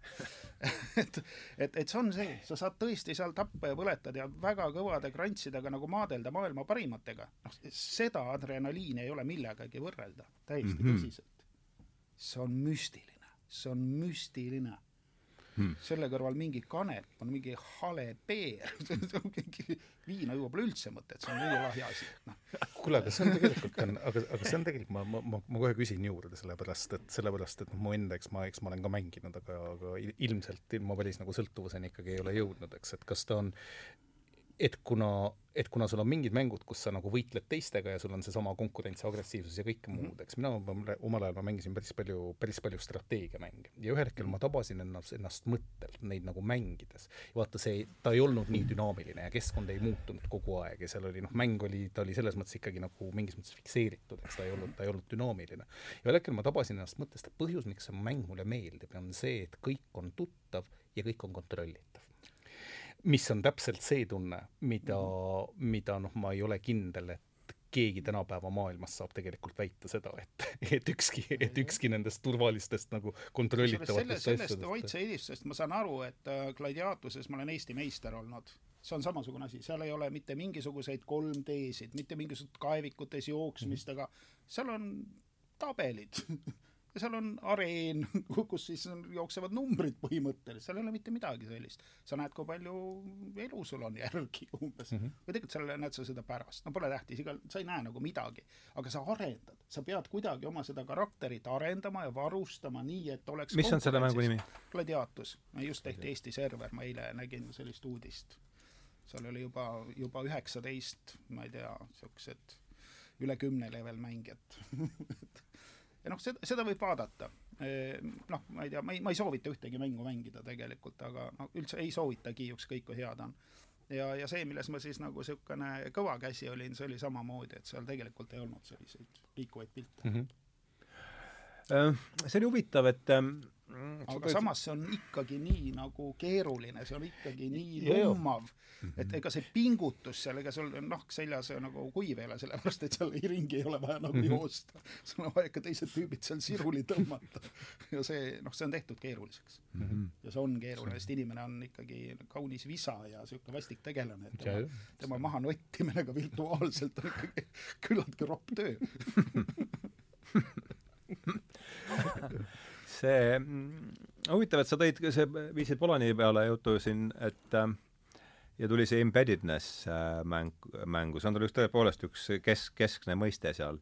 ja see omakorda tõi mul, otsin siit kohe eelmise, eelmise jutuajamise stenogrammi uh,. me rääkisime siis uh, USA kvantfüüsikust, Oppenheimeri doktorandist David Bohmist, USA, USA kvantfüüsikust kes tõenäoliselt on üks ka, kui me nüüd, ma tuletan meelde, et see minu lähtekoht sellesse vestlusesse tulles oli see Sheldrake'i tsitaat äh, nüüd ilmuvas intervjuus, et Huxley on üks võtmeisik selles suures transformatsioonis, mille keskel me ennast täna leiame, ma arvan, Bohm on kindlasti äh, ka seal üks nendest äh, nimedest. Ja see lause, mis mul nüüd tuli selle sõnaga embedded ähm, meelde, on see, et mis tahes asjas teeb asja selle kontekst. Äh, et, et ühesõnaga ma viskaks praegu selle õhku, viskan, ma viskan selle tsitaadi siin praegu õhku, äh, lause siis, äh, mis, ma ei mäleta, kes seda ütles, aga see on mul eelmise saate märkmetes, et mis tahes asjas teeb asja selle kontekst, et sikutame seda niiti ja vaatame, kuidas, kuidas see meile siia, kuidas, kuhu ta meid viib ja aitab ta meid edasi? ütleme lihtsalt nagu kohe jooksvalt lühidalt edasi, et et masinavärk võib ju tunduda väga halb, sest ta on inimest orjastav ja ta, eks ole, noh, võõrutab su loodusest ja, ja tervest mõistusest ja, ja traditsioonidest ja kultuurist. ja, ja noh, kui see näiteks lõpeb pornosõltuvusega, siis ilmselt seal midagi väga head ei ole aga samas inimene on ju savi ja, ja teda võib igasse vormi suruda, et, et masinavärk on ikkagi see press mis sind kuskile poole surub mm. -hmm. et kui ta surub sind loomastumise poole mm, -hmm. siis sa loomastud, kui sa oled nõrk. Ja kui ta suruks sind teisele poole, näiteks vaimsuse poole või selle poole, mida noh, mida Huxley nagu oma selle suure tsitaadi raamatuga, selle filosoofia perennisega nagu esindab sellise vaimse traditsiooni poole, siis ilmselt inimene muutukski vaimsemaks. küsimus on lihtsalt selles, et see masinavärk surub sind valele poole mm. -hmm või, või ta on ehitatud ja nüüd on küsimus, kas see masin on ise, kas see ma-, kas see, et ta surub sind valele poole, on sellesse masinasse juba sisse kuidagi ehitatud või et see on minu meelest no, nüüd see huvitav? ma arvan, et see on sisse ehitatud yeah., proovi rääkida tehisintellektiga ja sa näed, et ta on kommunist. see ei ole evolutsiooniliselt kujunenud niimoodi, ta ei ole mingis konkurentsivõitluses, ei ole kommunist teise intellekte alla surunud, ta lihtsalt on selliseks ehitatud mm -hmm. ja ongi kõik teda saaks ehitada teistsuguseks. ilmselt alguses oligi teistsugune, siis tehti temaga seda, mida kõigi asjadega tehakse. mida on tehtud filmidega, seriaalidega, ulmeraamatutega ja ilmselt kunagi tehakse ka arvutimängudega. arvutimängud muide on üks -hmm. asi, kus praegu on veel suhteliselt vaba maa. on niimoodi, jah ja. mm? -hmm. ma olen seda varem ka kuulnud. vägivald on seal ju et asjast teeb asja tema kontekst.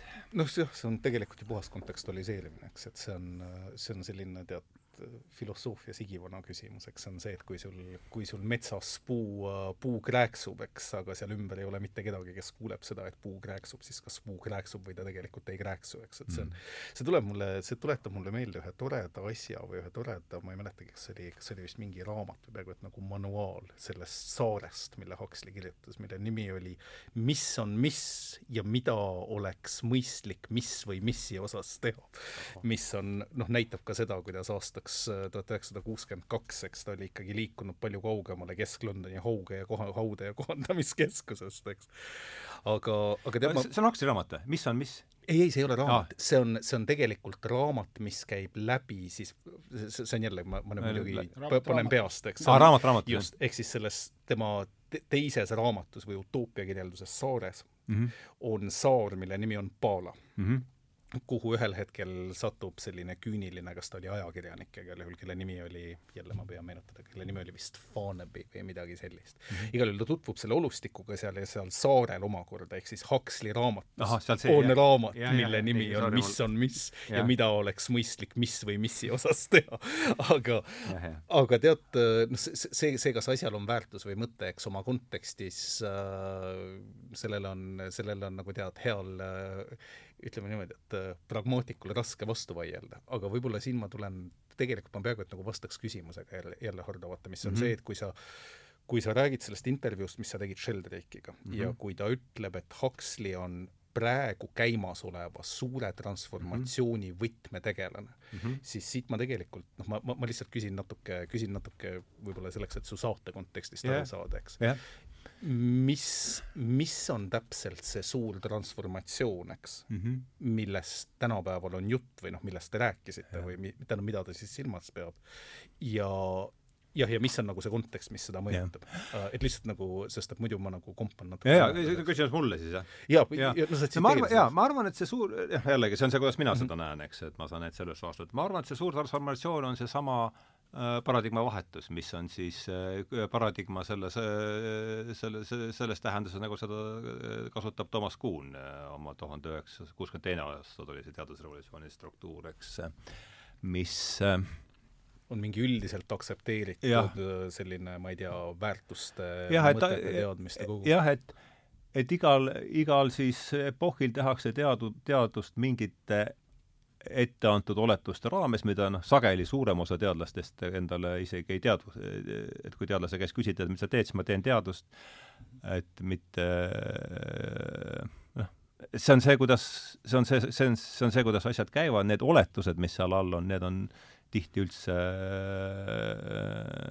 ole, no, teadvustamata, sest me ju ei tea ka, mis, mida seal koolides praegu täpselt õpetatakse, aga tõenäoliselt on nii, et hakatakse kohe aatomit lõhkama äh, Äh, või lõhestama või mida, või ja noh, see, omamata seda filosoofilist, äh, ma ei kujuta ette, et ka teaduse ajaloost ja filosoofiast väga palju väga palju võib-olla räägitakse, noh, võib-olla, võib-olla ma teen liiga, eks, aga, aga selline mulje mul on nüüd, selle noh, mingil määral ma olen nende asjade vastu huvi tundnud ja selline mulje mul igatahes jäänud on, et et see on nüüd üks võimalus, see, see, see, see suur, kui sa küsisid, suur transformatsioon on paradigma nihe et kui noh, siin ütleme, pol-, noh, Poloni räägib siin ka transformatsioonist, ta räägib pigem, eks ole, mingist sellisest ühiskondlik-poliitilisest transformatsioonist, siis mulle tundub, et seal see, aga see on omakorda embedded, kui selles sõnas, seda kasutab siis äh, Polani ja mida siis eesti keelde võiks tõlkida selles kontekstis, et see ühiskondlik-poliitiline pööre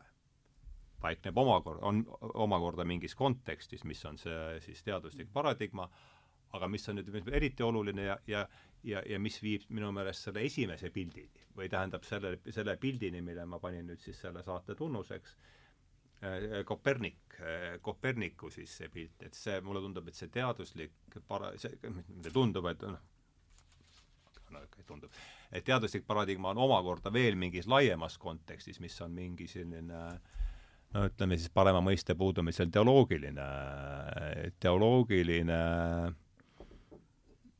siis paradigma, mis omakorda tegeleb siis sellega, noh, midagi valgub sellest Excelist, igast Excelist valub, valgub midagi välja, mis sellesse ei mahu ja see jääb siis sinna kuhugi, see jääb sinna kuhugi alla ja siis see teoloogiline paradigma või või niisugune mütopoeetiline paradigma üritab siis noh, et okei okay,, meil on siin Excel, tõsiuskne ütleb, et peale Exceli midagi ei olegi aga, aga noh, kus natukene kujutad, et peale Exceli on veel midagi, et siis on küsimus, et mis see veel siis midagi on ja noh, ja ütleme siis teoloogia või poeesia või mütoloogia, see siis üritab kuidagi nende terminitega, mis Excelisse ei mahu ja millega me siis igapäevaselt siin opereerime koolis ja, ja töökohal ja kuidagi nendega siis noh, rääkida midagi sellest, mis Excelisse ei mahu. Ja vot, et kui sa räägid äh, kui sa küsid minu käest, et mis on suur transformatsioon, siis ma arvan, et me oleme praegu millegi sarnase, et see transfor-, et, et noh, see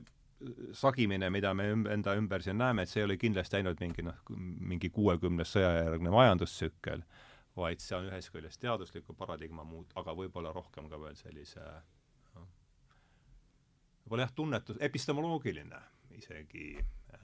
See on ikkagi häälestamine, see kõlab võib-olla natukene, kõlab võib-olla natuke es-, e-, e-, esoteeriliselt, aga see võib-olla ikkagi hää-, enda ümberhäälestamine mingisugusele teistsugusele olemisviisile või tunnetusviisile, et mm, -hmm. et, et noh, läks pikaks natuke, aga hea, et sa küsisid, et ma sain oi, aga sellest on palju abi, selles mõttes, et, et mul, mul oli endale just, see just, just, just. palju abi, et selle, sellest sinu küsimusest, ma ei tea, kas aitas see sind edasi uh,?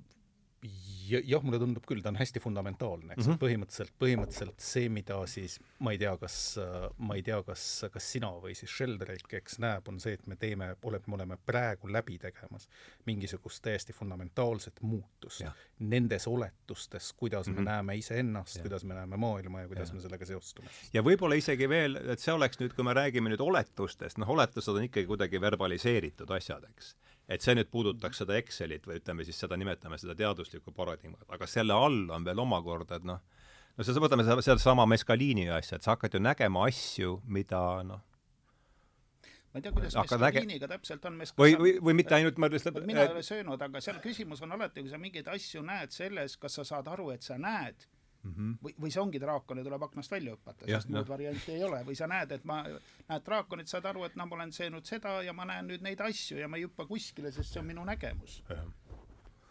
Vigala Sass soovitas äh, head nõksu, et kui sa ei saa aru, kas, kas see on päriselt või nägemus, siis tee seda liigutust, pane käsi silmade ette. kui see on päriselt, siis sa ei näe teda, kui ta tuleb su vaimusilmast, siis sa näed teda edasi mm. -hmm. hea test mm. -hmm. Mm -hmm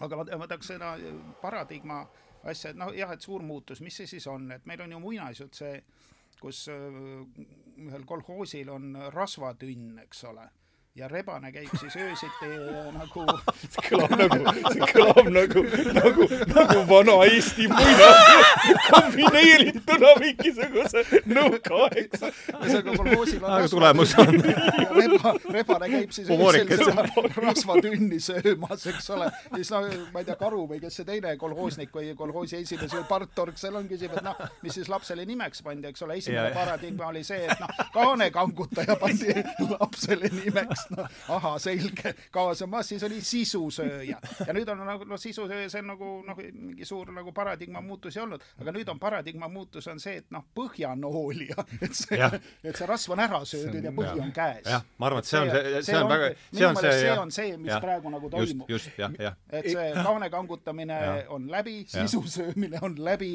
ja nüüd on põhjanoolimine on käsil. no mina, ja mina saan aru nii, ütleme sellest vahemärkusena lihtsalt, kaant hakkasid kangutama Kopernik, Kepler ja, ja, ja see sats, no kui, selles, kui see oma lugu tõlkida sellesse, aga nüüd on tõesti põhjanoolimine, et see ja, ja kui see gaas lahti läks, no taevas hoidku, see ju seda no, sisuliselt süüa seda, noh, see viis selleni, et me saime üldse võtta katsekasutusele need tohutu, selle, selle rasvatünni, mis oli seal päikese mõjul ju, mille see, mille peal me sõidame siin, see nafta ja fossiilsed kütused, eks, et see okei okay,, kuule, aga see asi muutub üha selgemaks ja selgemaks.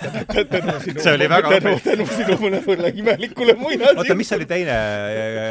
põhjanooli. ei, ei, sisusööja. aa, sisusööja, ja, ja, ja. no just, just, see okay. on väga super, väga hea kujund. okei okay,, nii et lühidalt siis jälle vabandust, ma olen tead palju tumm-tumm-tumm tõsisem, eks, et kõik see, mida sa siis näed seal Kopernikust alates ehk tead sa, teadusrevolutsioon, valgustusajastu, reformatsioon, nagu ja. kõik see, mis kaas-, kasvas välja sellest ajastust, on tegelikult nüüd jõudmas oma loogilise lõpuni. ja ja just, ja, ja, ja suur transformatsioon on siis midagi, mis on pigem, tähendab, ta on vältimatu, ma saan aru, et ta on midagi, mis tuleb siis noh, sellest no,, sest et ma, ma vältimatu lõh-, lõhnab mulle siin natukene marksistlikult, eks. Ei, kusjuures ma ei mõtle isegi mitte niimoodi, sest et ma olen, ma lihtsalt püüan ette kujutada, et, aga... et, et milline, et milline pagan see, see transformatsioon, eks, noh, ütleme siis, et tünn on tühi, eks, et, et viimased viimased rasvatilgad, eks, on, on kellegi meelast kurgust alla. no eelarvekriis on ülemaailmne sisuliselt just, äh, põhimõtteliselt, see on ju see, kuidas see asi jõuab ühiskondlik-poliitilisele tasandile. see on põhimõtteliselt ma tegelikult, eks ma, ma, ma arvan, et see, et me oleme tõesti jõudnud nagu mingisugusel nagu mingi süsteemi nagu hääbumise või ja. nagu nii-öelda nagu viimase, viimaste etappide juurde, küll ma ka kardan, et see suur transformatsioon ei saa kindlasti olema ilus vaatepilt. jah, selles suhtes äh, selles mõttes, et siin, kui me noh, vaata, räägime sellest, mis on tõsi ja mis ei ole tõsi, eks, et no eelarvekriis ei ole, pole kunagi olnud just. ilus vaatepilt. Suurvõimud ei pidanud üldjuhul oma võimust loobuma, kui nad alla käivad vabatahtlikult. et seitsekümmend viis protsenti on võimalust, et nad alustavad sõda ja kakskümmend viis protsenti on see, et nad hääbuvad kuidagi vaikselt. et see vaikne hääbumine on noh, suhteliselt minimaalne võimalus. eriti teades seda, et see praegune suurvõim on üks paras kõrilõikaja ma lihtsalt püüan nagu mõelma, ma, ma, ma, ma mingil hetkel ma lihtsalt nagu huvi korras õpetasin seda ka, et kõik seda, mis puudutab mingeid globaalseid trende, eks, ma olen tegelikult nõus, et ükskõik, mida sa ei vaata, eks, olgu see finants, eks, olgu see majandus, olgu see keskkond, eks, olgu see mingi ressursi kasutus, olgu see demograafia, nagu ei ole mitte ühtegi näitajat, eks, mille puhul asi oleks kuidagigi läinud, läinud paremaks, et ja, ja oli, üks oli siin kuni paar aastat tagasi oli vist see, et, et tuumapeade hulk maailmas oli kahanemas, aga õnne, õnnetuseks on see trend nüüd ka kuidagi, kuidagi tagurpidi pöördunud. et ma lihtsalt, ma lihtsalt ei ole kindel, et see transformatsioon on teostatav nagu evolutsioonilisel viisil, et see saab olema ikkagi mitte suur transformatsioon, aga, aga hiiglaslik raputus. ühesõnaga see rebane no, jah, see, on, see, see rebane saab korraliku kereda. ei, täpselt, täpselt nii, aga, aga ma kardan, et mitte ainult see rebane, aga kogu metsa, kogu metsa elanik. kogu metsarahvas, kogu kolhoos. kolhoos rappub. ei, no vaata, üks asi on see, et me räägime, et me räägime asjadest nagu, nagu, nagu spirituaalsus ja tegelikult nagu kõiksusega arvestamine ja kõike ja. muud, eks, aga aga noh, ma, ma niivõrd ikkagi nagu, nagu see materiaalne pool on mus olemas, et ma ei kujuta ette, mismoodi see näeb välja, kui tead, ühel hetkel enam pensionid ei saabu, eks, ja ei juhtu nagu midagi, et see on ikka see, noh, see ilmselt ei ole ilus pilt. no kellel on kartul, selle trõivitakse kartulid ära no üks asi on see, et kuidas üks asi on juba see, kuidas ennast, ennast selles olukorras, kuidas ennast selle olukorraga lepitada, see on omaette küsimus, aga aga, aga see on hea, vaata nüüd esimene kord, kui sa, Andres, käisid saates, me rääkisime Stephen Kotkini raamatust äh, Magnet, Magnet Mägi, Mägi., aga just. Stephen Kotkinil on teine raamat, mis mulle jättis ka, Magnet Mägi oli esimene, teine raamat on Ära hoitud Armageddon mm, -hmm. kus ta siis räägib äh, kus ta esitab minu arust väga intrigeeriva küsimuse, et kuidas on võimalik, et Nõukogude Liit, hambuni relvast tuuma, tuumapeadega relva, relvastatud äh, politseiriik, et kuidas on võimalik, et selline selline monstrum lahkus ajaloo näitelavalt Tatkiki varvukil ja pani viisakalt kakskümmend viis protsenti. mis sa mõtled? No tõenäosus, et ta ja, ja, ja, ja, ei alustanud ja. nagu laamendamist, oli kakskümmend viis protsenti ja sellal korral läks sinna kahekümne viie protsendi sisse. mis edasi saab, kas kaks korda järjest tuleb loota? ja, ja ei no ja et no,, et jah, et, et kuidas see on võimalik, et tema, ta vastus on lihtne, et et selleks, selleks ajaks, selleks ajaks oli juba siis noh, kogu see marksismilt ja nihilismilt kui religioosselt süsteemilt oli juba mm, see mahl välja imetud ja ütles, et kui me sellest jurast nüüd lahti ütleme, et siis saab hakata erastama. ja kõik tor-, tormasid eras-, noh, see on tema argument, see midagi seal äh, tundub äh, noh, tundub jälgitav vähemalt, et kõik tormasid no. erastama ja, ja siis, äh, ja siis noh, ühesõnaga tänu sellele ei juhtunud äh, aa, ja siis teine asi muidugi, et Jeltsin äh, selle suure Nõukogude, Nõukogude arve, Nõukogude siis selle auriku kõrvale tegi oma väikse päästepaadi või ütleme siis väikse kalapaadi niimoodi, et see äh, jõustruktuuride siis ütleme, kuidas paindlikum osa sai, et neil oli kuhugi üle minna kolhoosi esimees põhimõtteliselt koondas poliitruki ja igasugused yeah. muud krantsid ära ja, ja yeah. juksi seda asja nagu omama. no vaata no, põhimõtteliselt nii, võib küll nii, nii öelda küll, jah. no vaata, ja selles äh, mugavam. aga siin sa oled kohe kõikide nende ulmekirjanike juures, eks, mis on seesama, sest et see, mis neist kõigist läbi jookseb ikkagi, on seesama ühtsus, identsus ja stabiilsus mm. -hmm. see meetod, millega seda saavutatakse, eks, et see võib olla armastame oma orjust ja oleme põhimõtteliselt ettekujundatud zombid, eks see võib olla see, et kusagil on kuri suur vend, eks, kes tead, hoiab sul kogu aeg silma peal ja lajatab sulle, eks, malakaga juhul, kui kui sa ei käitu nii, nagu sa tahad, eks, või sul on siis see Bradbury variant, mis on tegelikult, on kõige huvitavam, sest et seal on see nii-öelda intellektuaalne orjus on teadlik ja vabatahtlik. Et inimesed Aha. võtavad, et see ei ole nagu, ei tule väljast, vaid on, aga ei olegi mingit vahet. see, kuhu ma tahan sellega jõuda, on see, et igal pool on see rõhk, on indiviidi vabaduse kaotus sotsiaalse stabiilsuse huvides mm. -hmm. ja see tegelikult toob mu ringiga, eks, sellesama sinu marksism-leninismi nii-öelda ideoloogilise surma ja tead, hakkame kõik erastama juurde, eks. on see, et, et selle mõttelise süsteemi kõrval on meil majanduslik süsteem, mis eelkõige ja üle kõige hindab stabiilsust, eks. Mhm. selles mõttes, et ei ole mitte ühtegi asja, mida, mida turumajandus ja kapital äh, tegelikult äh,, kuidas ma siis ütlen, vihkaks rohkem kui ebastabiilsust ja ettearvamatust, eks. mistõttu, mistõttu tegelikult need asjad, eks, ja noh, te olete ilmselt rääkinud sellest ennem ka palju, eks, on see, et tead, kaotame surma ühiskonnast ära ja muudame kõik nii ettearvatavaks, kui vähegi võimalik, võtame inimlikud konarlused ära, eks. ja vaata, nüüd tekibki seesama küsimus, kui me lähe-, hüppame sealt nüüd selle Huxley saare juurde mm, -hmm. siis seal tema vastus on pigem kombineerime lääneliku teaduse sellise idamaise, idamaise tähelepanelikkuse iseenda kuidagi hinnangu ja spirituaalsusega, eks mm. -hmm mis on pigem hea, tähendab, see on see, kuhu tema oma elu lõpul jõuab, eks, on see, et võtame selle tehnoloogia ja lisame sinna eetika, mis rajaneb idafilosoofiale, kus tegelikult saladus on hariduses, enesearengus, eneseteadlikkuses ja oleme kõik sõbrad ja, ja tead, elame, elame õnnelikult kuni oma elude lõpuni, eks. see teine alternatiiv muidugi on see, et selle asemele ei tule mitte idamaine spirituaalsus, eks, aga tuleb midagi veel hoopis vihasemat.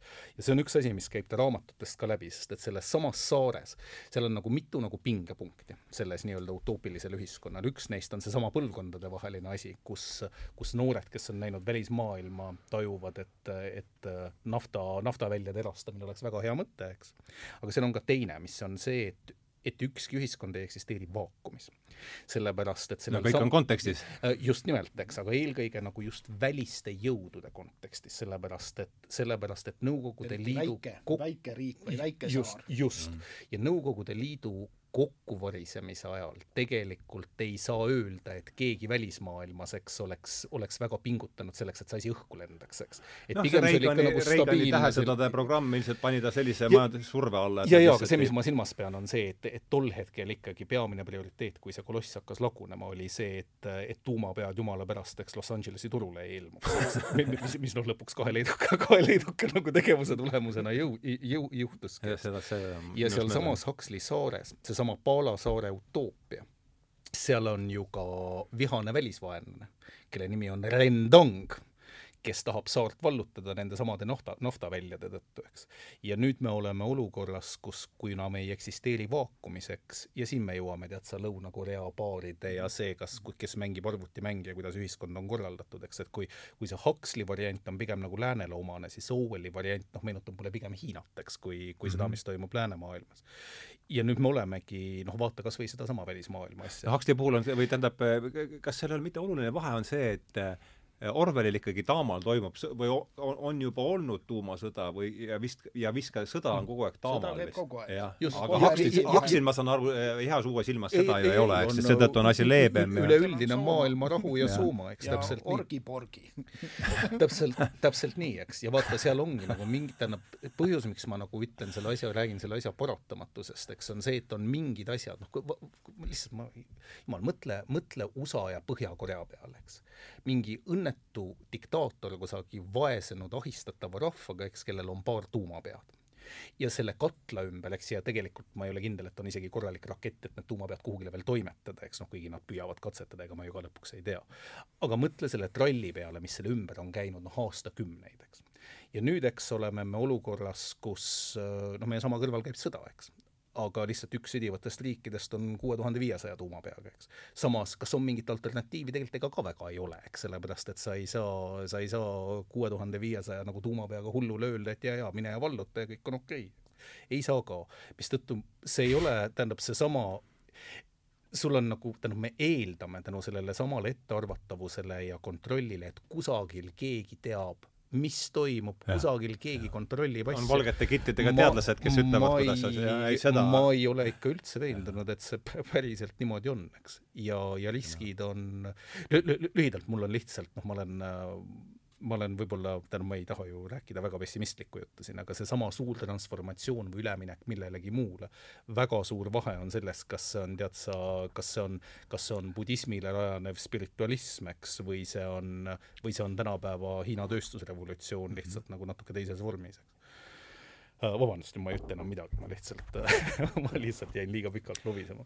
nojah, ma ja noh, ega ja no see on ju jälle, et ega ju ei tea, mis toimub ja, ja ma arvan, et me teame ikkagi, et Hiina ei ole vist ikkagi see Huxley ida vaimsuse ja lääne tehnoloogia, see on pigem ikkagi lääne tehnoloogia mm -hmm. ja ida julmuse või, või mingi, mingi irratsionaalse nagu jõuramise nagu noh, mis kindlasti on tõhus, me näeme seda. see on suurepärane tõhus. artikkel, on äh, John Gray'l, ma mitu korda New Statementis ilmus see, ma mõtlesin, et peaks selle üle lugema, et lääs ei ole surnud et tema ideed elavad edasi Hiinas, et noh, see on täpselt see, et, et noh, see on, Hiina on võtnud kõik selle, selle, selle, millelt äh, siis seda on öeldud ka Ameerika unelma kohta. mis sa mõtled? et Ameerika unelm on elus, aga Hiinas ja,. jah, jah, jah, jah, noh, see läheb selle kõik samasse, samale parkimisplatsile tüürib see jutt, et no see Hiina teeb seda, kus, mille Kopernik ja siis äh, Kepler äh, ka äh, sisu söömise etapis. ja Hiina sisu söömise, aga noh, jällegi üle, asjast teeb asja jällegi kontekst, nii et selles mõttes noh, ega nad üksi seda, võib-olla see, noh, Kissingeri raamatus on, see oli, ei tea, kas see oli diplomaat siis või, on mul jäänud meelde selline, et seitsmekümne kaheksandal aastal oli USA ja Hiina kaubavahetus sama suur kui USA ja Hondurase oma vist mm. -hmm et, et noh, räägime siis, noh, räägime muutusest, eks ole, ja, ja noh, ja ilmselt see Hiina pöördumine selle sisusöömise, sisusöömise teele on ka selle, on meid toonud kiiresti siia põhjanoolimise, noh, see on üks võimalus asja, asja vaadata, eks. Hiinlased ikkagi tunduvad olevat väga head strateegid. pika plaaniga, ühe plaaniga, mitte see ei tõmble valimistest valimisteni, valimisi vist, ma ei tea, ikka on vist valimised või, või ei ole? midagi nad selle posi-. ühesõnaga tähtis ei ole, see ei sega, need valimised ei sega. ei sega midagi. ei no selles mõttes ju vaiba all käib ju kõva koerakisma niikuinii, eks, aga vähemasti seda jah, et, et seal saaks sealt äh, valimisplakatitega ringi sibima ostukeskustes vist ei ole jah, jah, jah, jah ja noh, sealt äh, Kissingeri peale jutt läks, samas raamatus äh,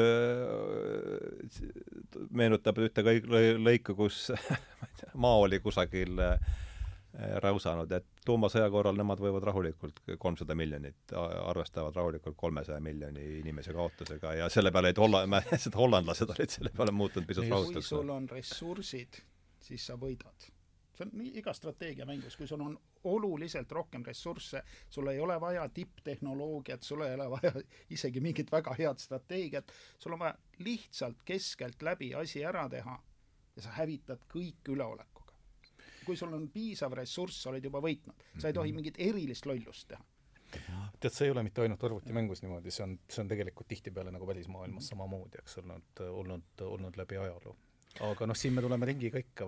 tavaliselt me... lihtsalt arvutimängus on väga raske seda ressursi ülekaalu saada, noh, mängud hoitakse tasakaalus, aga maailm ei ole tasakaalus mm. -hmm. see on, on, on selge, et meie vestlus nagu läheb kõikides suundades. nii, nii ta on alati olnud. aga see tuleb, aga see, noh, ma, ma tahan ikkagi seda tagasi, tagasi tuua sellesama nagu, sellesama nagu õnnetu Huxley juurde lõpetuseks, mis on see, et, mis on see, et see läbi, ja noh, see on jälle nagu küsimus lihtsalt nagu laiemale ringile, eks, on see, et et lühidalt stabiilsus ja ettearvatavus ja emotsionaalsete raskuste vältimine on selle nii-öelda Huxley düstoopia põhiteesid, eks mm. -hmm. lühidalt stabiilsus ja turvalisus.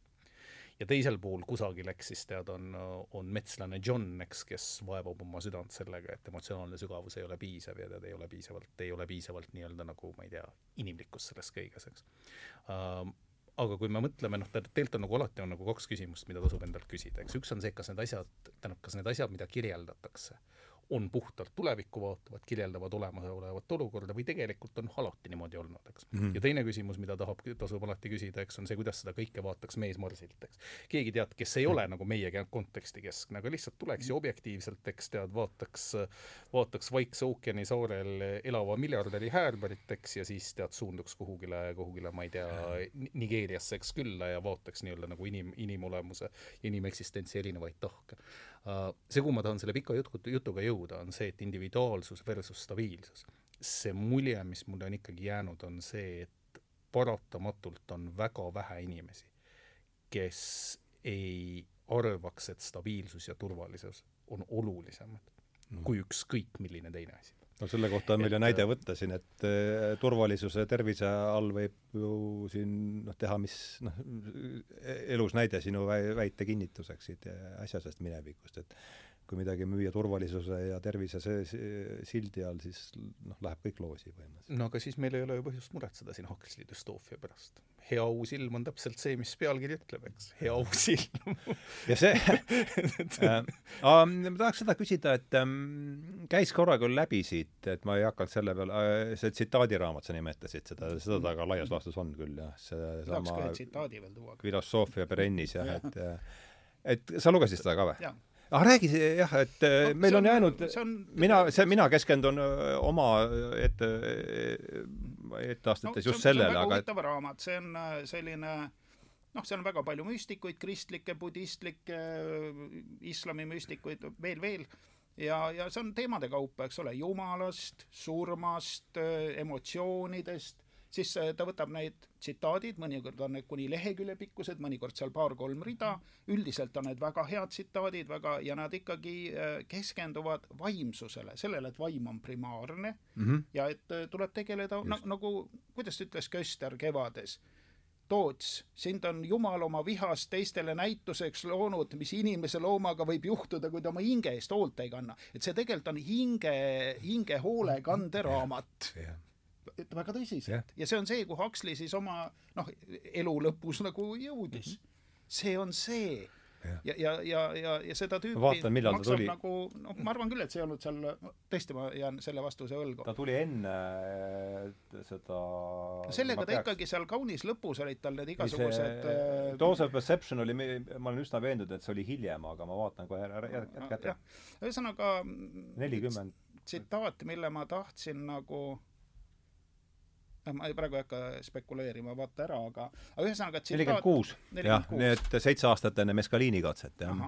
ja, ja, ja. No nii, vot siis eksisin veidi, et ikkagi sinnapoole ta oli teel, aga no ta jah, see, see Mescaliini ei tulnud ka niimoodi, et äh, tööd, et noh, ta valmist-, ta mingi kümme aastat tegeles igasugu mm. kõikvõimalike esoteeriliste äh, praktikatega, no just seesama hinge, et see ei tulnud tal tühjale kohale, see mm. Mescaliini katse kaugeltki. et see hinge, hinge asjus oli tal Äh, just emotsionaalsuse peatükis, ma, see oli ilmselt Dela Cruz'i nagu tsitaat, lühike tsitaat, mis ütles, et äh, et kui kärbes määrib oma tiivad meega, siis ei ole temast enam lendajat. ja kui äh, noh, umbes nagu kas palvetaja, kes nagu püüdleb selle noh, nagu heaolu või selle vaimse heaolu poole, see, selle, selle hingega on kõik et kui sa oma hinge asju ajad nii, et sa püüad sellest saada mingit noh, head emotsiooni, siis on läbi. -hmm. ütleme, kui sa oled vaimne sisusööja eks ole, siis on küpse. Ja tegelikult noh, seda võib laiendada minu meelest noh, igale poole, et kui see noh, positiivne emotsioon saab tähtsaks, siis on hing kadunud, siis, siis on juba läinud, siis on kõik et äh, see, see, see mulle väga meeldis, see tsitaat, seal oli väga, see ei ole ainus hea see oli see püha, Püha Risti Johannes siis, jah? ja, ja, ja, ja mingi niisuguse jah, jah. suur, jah, siis et ta äh, selline selline raamat see on ja mina soovitan seda küll lugeda, ta kommenteerib neid tsitaate, ta ei ole ainult tsitaadiraamat, seal on noh, suurem osa on ikkagi Huxley kommentaare mm. -hmm. noh, ja siis ta arutleb ja. neid asju, võtab kokku ja toob siis noh, erinevate aspektide pealt, aga üldiselt läheb see kõik sinna hingehoiu nagu kanti. aga eri kultuuridest, eri aegadest, eri, eri uskudest ja, ja, ja ka hunnikesti nagu hea valikuga, et need on ikkagi noh, sellised kompaktsed, tähendavad midagi, need ei ole selline on, on, tühi, tühi, tühi jõuramine. jah tahtsid lisada midagi? oi, ma lihtsalt, äh, ma, ma, ma tegin sama raamatuga algust, sina vist isegi kinkisid selle. jah, ma kinkisin selle mis on, nii et ma tegin, ta, ta ei ole minu jaoks lihtne lugeda. ei ole, ei ole, ei ole. mulle võttis ka tükk aega enne, aga siis mul üks nädalavahetus avanes, kus ma sain järjest teda lugeda. lihtsam on see, kui lugeda kõigepealt tsitaate. ja kui need tsitaadid ei ole nagu selged või tekib küsimusi, siis loed neid kommentaare, aga kui asi on niigi selge, siis jääb kommentaarid vahele jätta, võtta järgmise mhm. peatüki ja lugeda jälle mhm. tsitaate. et nii on lihtsam, sest need tsitaadid tõesti on suurepärased ja, ja, ja kui need nagu enne läbi lugeda, siis need teised nagu abistavad, et noh, nagu muidu need jah, kommentaarid võib-olla seal jah, nagu võtavad hoogu maha lihtsalt mm. -hmm.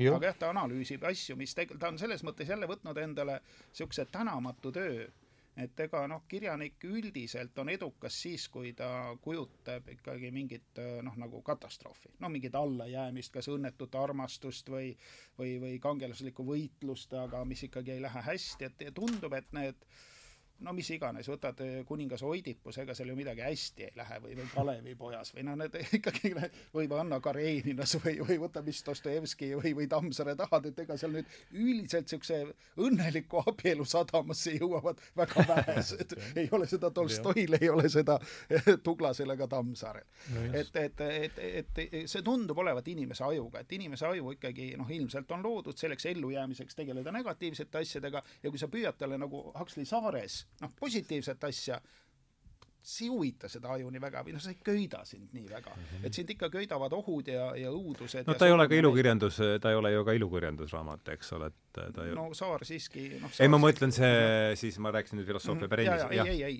aga, aga no, Saar küll, jah, muidugi. aga, aga see Berennis on ka ikkagi väga, väga hea ilukirjandusliku kvaliteediga mm, -hmm. sest paljud need müstikud on ikkagi suurepärased luuletajad või suurepärased mm -hmm. lühivormimeistrid ja. ja need on ikka ääretult nagu elegantselt vormistatud, need abstraktsed mõttekäigud. ehk nemad siis haaravad ka selle eelmise konteksti, selle, see Excel, Excelist ja, väljapoole selle 100%. kohta, kus meil ei ole, noh, meil ei ole mõisteid ja me saame seda, seda, mis sellest Excelist väljapoole jääb. et see Huxley osa on seal tõesti nagu selline Exceli terminid. esseistika, aga need tsitaadid, mida ta kommenteerib, laiendab, täiendab, seletab, on ikkagi minu meelest väga suurepärane klassikaline on. kirjandus.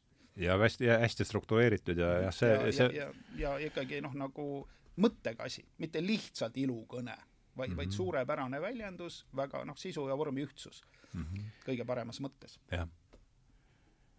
jah, noh, see on seesama kontekst jälle, mille juurde me tuleme tagasi, ainult et minu jaoks on selle konteksti kesksus, on inimene ise mm. -hmm. ja, ja noh, vaata seesama Huxley lahenduseks, kogu, ega, e-, ega lõpuks ei ole ka Saar, ei ole noh, ega ta ei, ega kõik ju ei lähe ainult hästi, eks mm. -hmm. et, et tema lahendus on see, et võtame oma, võtame oma ratsionalistlikust äh, lääne mõtlemisest, võtame tehnoloogilise parima, noh, ma, ma lihtsustan muidugi kõvasti, eks.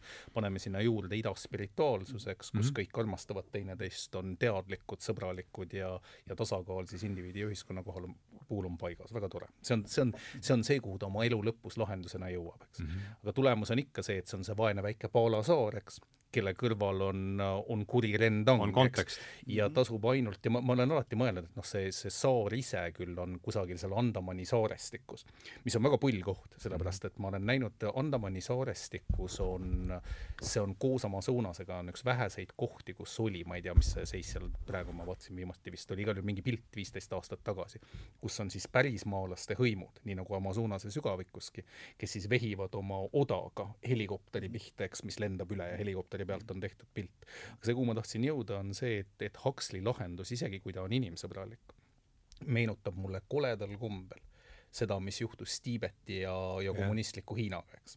et äh, noh. masin, masin sõitis no, üle lihtsalt? masin lihtsalt jah, no ei, jah, lömastuseks on äh, aga ma just vaatasin seda seitset aastat Tiibetis, polnud varem näinud, just, just vaatasin just, see on see Brad Pittiga, just, just, just.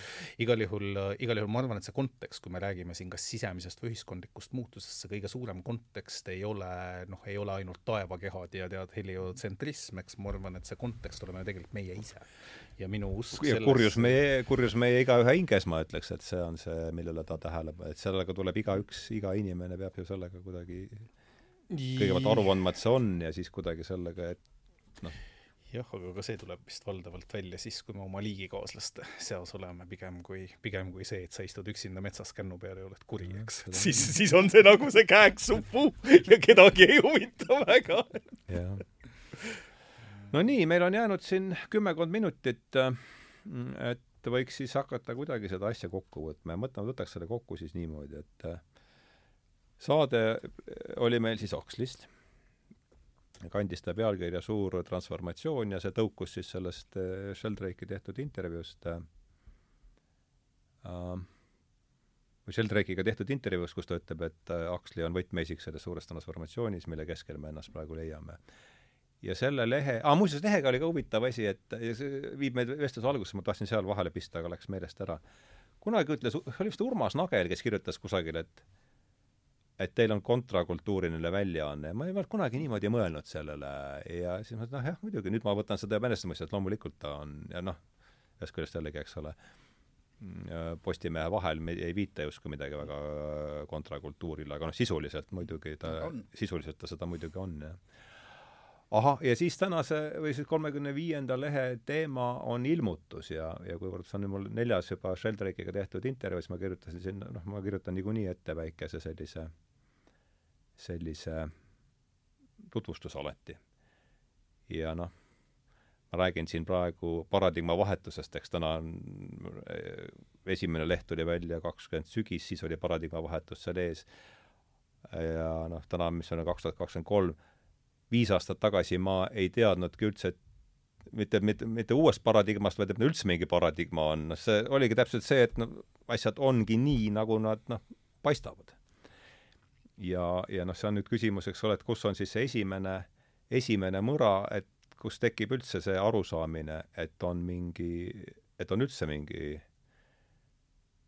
et kus tekib üldse arusaamine, et mul üldse on mingi maailmavaade ja see on otseselt seotud selle lehe teemaga ilmutus. ja ma hakkasin tagantjärele mõtlema, kus oli minu ilmutus siis esimene, noh, see on jälle muidugi konstrueeritud, eks, ja et ta peab mahtuma ka siis sellesse teksti ja tead esitatav, aga aga see oli kaks tuhat kaheksateist ja ma tahaks teie kommentaari siin sellele saada. kaks tuhat kaheksateist kusagil suve hakul kuulasin ma tund tema, siis ma olin noh, ta oli kogu see lugu Maddoxiga ja see raamatu valetamine ja ma ei saa seda ka enam rääkima, et sealt, sealt tekkis see huvi ja siis ma kuulasin tema tunniajast loengut äh, Taasavastades Jumalat, Rediscovering God või Robert Sheldrake või midagi oli selle pealkiri. ja no loeng oli huvitav, annab niisuguse selgitab kogu seda, noh, sedasama, mis ta siis oli, kaane kangutamist, sisu söömist ja põhja noolimist, mitte küll päris nendes terminites, aga see on see võtab rebase muinasjutu niimoodi üksi asjalikult läbi. ja siis lõpeb loeng ära, ta on tunniajane ja siis küsib üks proua, et ma ei taha teid küll nüüd teisele teemale juhatada, aga mis te arvate, mis juhtub siis, kui me sureme? ja siis ta ei, ei mõtle seal pikalt ega hakka kekutama, vaid ütleb, et noh, et hästi, et noh, loomulikult see, keegi ei tea, aga et see on see, mis ma, mis ma arvan, et et kui me sureme, siis me näeme unenägusid edasi, aga ei suuda enam üles ärgata. ja vot see oli see, et vau. noh, minu, noh, veel kord, mõnele ta töötab, mõnele, aga noh, minu jaoks oli see, ma tagantjärgi mõtlen, see oligi ilmutus. et niimoodi ma ei olnud kunagi, ma ei os-, ma, ma ei osanud kunagi varem niimoodi mõtelda ja, ja ja ma viskakski selle et ma rääkisin teile oma ilmutusest, et oh, rääkige, rääkige teie mingist äh, rääkige mingi tore ilmutu, ilmutuse lugu selle saate lõpuks hoopis jah, et noh, ma, mina sidusin, mina sidusin selle kuidagi oma selle teemaga ära, aga aga kuivõrd järgmise lehe teema on ilmutus, siis äh, võtame selle viimaseks, et midagi, midagi ilmutuslikku enda elust. no eks selle unenägudega ja nendest ülesärkamisega on see, et oleneb unenäost ja mhm. oleneb ka sellest, kuhu sa ärkad mm. -hmm. et kontekst on siin ka nagu väga oluline. ma arvan, et väga paljud inimesed oleks nõus oma selle, kus nad ärkavad, see, selle maailma vahetama hea unenäo vastu mm. -hmm. ja unenägusid on muidugi ka noh, tõelisi luupainajaid, et noh, kuidas keegi neid näinud on, ma olen näinud Just igasuguseid, igasuguseid. ja ega see ei tähenda, et see oleks, see ei tähenda, et see oleks tingimata positiivne. või et see oleks, no seal on, seal on kõike. aga, aga ma, mina tooks, tookski unenäo teemaga edasi minnes ma mäletan, see oli kunagi, ma arvan, et see oli mingisuguses sügaval stagna ajal, ma arvan, et ma olin kuskil algkoolis või algkooli mingis varases otsas ja ma nägin unes, no mis sel ajal, no nägin muusikat või noh, kuulsin, ühesõnaga oli noh, tavaliselt kus ma muusikat kuulsin, maal elasin talus Energiakolhoosis Tammiku aluse külas Rakvere külje all ja, ja raadiost tuli siis see Artur Rinned ja mis seal olid, noh, mingid sellised, sellised asjad, noh, oli ka kuuekümnendate mingit estraad ja siis eraldi kell kolm oli mingisugune piirist piirini oli mingi saade kuskil. ja, ja aga seal oli piikbändi muusika, nimetu piikbändi muusika, mida kuskil ja. maailmas enam ei mängitud, aga Eesti Raadio nagu lasi, ühesõnaga selline, selline muusika ja siis ma kuulsin unes mingisugust muusikat. mulle ei meeldinud üldiselt see, mida ma raadiost kuulsin, no mingit makki ega plaadimängijat või mingi plaadimängija oli, aga sealt keegi eriti midagi ei kuulanud, need plaadid olid ka sellised, et polnud ju mõtet, noh, see hullem veel kui raadio. et nii ja nii. ja siis ma kuulsin muusikat, mis oli äge, no tõesti äge. Ja ma arvasin, et sellist muusikat ei ole olemas. Et see on unenäos mingi väga eriline, väga huvitav, no tõesti, elu lõpuni nagu jääb meelde, noh, mõned unenäod on sellised, nad on mm. nagu noh, sa ei, kunagi ei unusta seda asja ja mõtlesin, et ongi, et see muusika on küll mõttetu asi ja hea muusika on ainult unes. ja tudengipõlves Tartus, no siis sai seal, noh, seal olid, ma ei tea, Mati Kohlapid, Mart Juured, no mingi selline plaadi, plaadiinimeste seltskond, no, põgusalt nagu mõnikord sai kuskile nagu külla mindud ja siis, siis kui ma kuulsin indie-muusikat, nagu see Sonic Youth'id, Cure'id, Talking Heads'id, Neubautenid, mingi selline oo, ja see muusika ongi olemas. ahah, sa oled rääkinud, nüüd mul tuleb meelde et noh, see oli küll nagu noh, tõesti niisugune prohvetlik unenägu, mis noh, mhm. kuulutas ette seda muusikat, mida siis kindlasti noh, võib-olla jah, kuskil krautrocki tehti kuskil Saksamaal mingi Can ja mingi Kraftwerk olid olemas või võib-olla juba, aga nagu aga päris sellist nagu ei olnud. päris, sinnakanti, aga mitte päris sellist et selles mõttes küll ma mõtlesin, et aga saab küll ja sellist asja saabki ja siis mul tekkis huvi muusika vastu. enne seda oli null, kõik see, mis ma olin kuulnud, ka klassika, ei kõnetanud mind kopika eest, nüüd ma kuulan klassikat ja noh, kõike mingeid mm -hmm. noh, rokiklassikat ka ja igasugust, pigem seda natuke siukest erilisemat. aga jah, sinnamaani mitte midagi, mingi asi ei konkureerinud sellega, mida ma nagu unes nägin. vot selline lugu jah, ma mäletan, nüüd mul tuli meelde, et sa oled seda rääkinud. Andres uh, ma arvan, et minu, mul on kaks unenäotüüpi, mis ma arvan, ongi ei pea, jah, nii, nii aga noh, nad on, nad isegi ei haaku mitte võib-olla muusika või kogemusega, nad on ikka nagu üsna nagu elu- ja surmalikud või eksistentsiaalsed mm. -hmm. Ja see on uh, see natuke, mulle on tegelikult sümpaatne see, mida Sheldrake räägib, eks ma ei tea sellest teaduslikust poolest eks tuhkagi, aga intuitiivselt vaata mm -hmm. see, et kõik on tegelikult seotud kõige muuga, eks oluliselt suuremal määral, kui me oskame kõik hingab koos nagu platiinas uh, aga minul on need kaks unenägu on väga sarnased tegelikult ja need on mõlemad seotud lahustumisega. üks on, üks, mis kordub, on lihtsalt päikesepaisteline ilm, täiesti nagu särav sinine meri, meri, eks, milles ma ujun ja ühel hetkel ma ei uju enam, tähendab mind ei ole enam. ma olen mhm. lihtsalt nii-öelda, tähendab, mul on teadvus endiselt kuidagi samas mm -hmm. punktis, aga ma olen põhimõtteliselt üle, üle mere ära lahustanud mm. -hmm. ja teine on samamoodi põlemisega, mis on, mis oli noh, alguses oli ikka üsna nagu omapärane, ma ei saanud üldse aru, mis toimub, eks, kus ma lihtsalt põlesin ära ja võiks ju arvata, et on kuidagi nagu halb või midagi muud, aga ei ole, lõpuks nagu on mingisugune, on ainult silm. või vähemalt nii, nii ma arvasin seal olles. ja seesama nagu sa ise nagu lihtsalt lahustud ära mm -hmm. äh, igale poole, mis on äh,, mis on, noh, tegelikult on kergelt ilmutuslik, eks, aga mm -hmm. ma tagantjärele mõeldes äh, ma arvan, et need unenäod on teinud päris palju selleks, et äh, et näiteks, ma ei tea, surmahirmuga toime tulla või midagi mm -hmm. sellist, et seda praktiliselt nagu noh, ei olegi enam väga et see on just nimelt see mõte, et ükskõik mis vormis sa oled ikkagi osa mingisugusest kõiksusest, eks, mille loomust sul ei ole isegi lootustki nagu mõista. vähemalt selle üsna nagu piiratud inimajuga, mis meil on. aga noh, nüüd me oleme, nüüd me oleme ikka juba hoopis, nüüd me oleme nagu tõesti ilmutuste juures. nojah, aga eks see noh, ma ei hakka siin praegu Sopramaa vestlusest tähelepanu endalt ära võtma, aga noh, mul on üsna, üsna veendunud, et kui ma nüüd läheks vaataks eesti keele, seletavast sõnaraamatust järgi, mis on müstiline kogemus, siis see tähendabki kuidagi osa saamise, muutumiseks osaks milleks, mingi, mingist kõiksusest, eks, et see on siis noh, ilmutus, müstiline kogemus, need on ju kõik mingi ühe sama nähtuse mingid erinevad erinevad sildid, ma kujutan ette. noh, jämedas joones võib neid ikkagi jagada kaheks, ühed on see, kus sa näed seda maailma, aga mm -hmm. ta on väga eriline, väga võimas, väga kirgas, noh, noh, nagu päriselt. Nüüd mm -hmm. ma mhm. näen sedasama tamme siin päriselt yeah.. see on see tamm, sa ei ole kunagi teda nii näinud ja kui sa teda korra oled niimoodi näinud, sa seda kunagi ei unusta ja see ilmselt muudab sind nagu mingis mm -hmm. suunas. ja teine on see, kus tõesti siis nähakse ingleid, teemoneid, teisi maailm, mida iganes, see skaala on väga lai. et kas sa näed olematuid asju mida ei ole päriselt olemas, vähemalt arvatakse, et ei ole, või sa näed seda maailma hoopis teise ja mingi eriti võimsa nagu, ma ei oska, mis võimendusega siis no see on see, millest ta siis, mis, mis tegelikult hakkas ju ta, mille, millest ta kirjutab Taju ustes, eks, kui nüüd, kui nüüd ei ole. kirjutab Uku Masing näiteks. ta ei ole. ütles, et siis sai temast luulet ja kui ta nägi seda, kuidas, ma ei mäleta, mingi puu, noh, ta vaatas aknast välja, seal oli lai lumi sadas, mingi krobeline puukoor ja siis, kui see noh, need mhm. keerulised pinnad ilmselt jooksutasid ta visuaalse protsessori kokku, no see materjali on väga raske on kokku jooksutada, aga mõnikord õnnestub. et seda silma, silmale anda nii palju nagu seda stuff'i, et see nagu kiilub kinni mm -hmm. ja siis nägi, nägi ta seda nagu, kuidas maailm on päriselt mm. -hmm.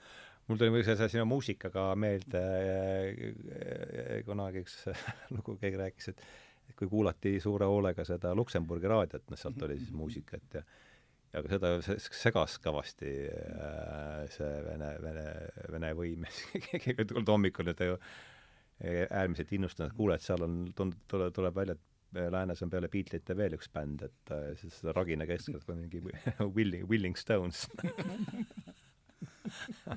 aga ikkagi, kui, kui on võimalik näha muusikat, mida tõenäoliselt noh, kas, kas noh, sellel ajal ei olnud veel olemas või ta tõesti ei liikunud ringi. võib-olla need muud asjad, mida tüübid näevad, on ka kuskil või hiljem olemas et see, see, see nagu isiklik kogemus on mind nagu selle peale, noh, nende teiste tüüpide nägemuste peale nagu mõtlema pannud. aga mm -hmm. võib-olla tõesti. aga võib-olla saabki asju näha, võib-olla kõik asjad ongi kuskil olemas. ja mingil hetkel, kui hästi veab või, või keegi, kes seda võimet endas arendab, ta saabki ilma raadiota muusikat kuulata või vaadata filme või näha muid asju, mis on mhm. olulisemad. jah, see et selles mõttes see Huxley sellise noh, ma ei oska öelda, niisugune hinge ja, ja surematuse ja, ja religiooni huvi on ikkagi täiesti arusaadav. täiesti arusaadav, eriti need tsitaadid, mis on noh, niivõrd hästi vormistatud, noh, ma ei paneks selle raamatu kohe nagu Eesti vanasõnade kolme selle akadeemilise köite kõrvale, no kus on ju mm. noh, Eesti need noh, vanasõnad on ka väga hästi vormistatud, tõesti nagu suurepäraselt viimistletud, et seal on noh, või noh, ma ei ole nagu no, nii ammu lugenud, et et noh, tõenäoliselt noh, seal on ka sellist abstraktsemat ja müstilisemat, aga, aga, aga minu meelest vähe. jah, see on päris hea, jah, muidugi tsitaadi kogu, kommenteeritud tsitaadi kogumik on ta sisuliselt, jah. aga see sobib väga hästi meie tänasesse vestlusesse. Huxley keskaegsed müstikud ühel pool ja Reinu Vader Rebane. ja, ja Reinu Vader kolhoosnikust Karu ja kolhoosis, rasva, kolhoosis, mida juhib Karu, seltsimees Karu, kuule, aga see on võib-olla hea koht, kus tõmmata tänasele vestlusele äh, joon alla. olime siis eetris kahesaja esimese tähenduse teejuhtide jututoaga ja olid mul täna äh, siis eetri külas äh, Andres Veispak ja, ja kuidas ma, ma ütlen sulle Kivisildnik? Sven Sildnik öelda Sven või öelda Kivisildnik, kuidas, kuidas sobib. ütleme siis alguses juhatasin ju Kivisildnikuna sisse, siis Sven Sildnik lõpetas, eks, et et aitäh teile, oli, oli, oli lõbus ja, ja, ja, ja, ja huvitav, nagu, nagu ikka teiega on, et, et siis äh, tänan, tänan teid ja tänan kõiki, kes on teinud saate võimalikuks ja nüüd vajutan mingile nu-, nupudele, et me saaks siit nüüd organiseeritud välja sulle. oli lõbus ja absoluutselt. see oleks küll kurb, kui saade jookseks edasi järgmised kakskümmend neli tundi, kui Hardo Mull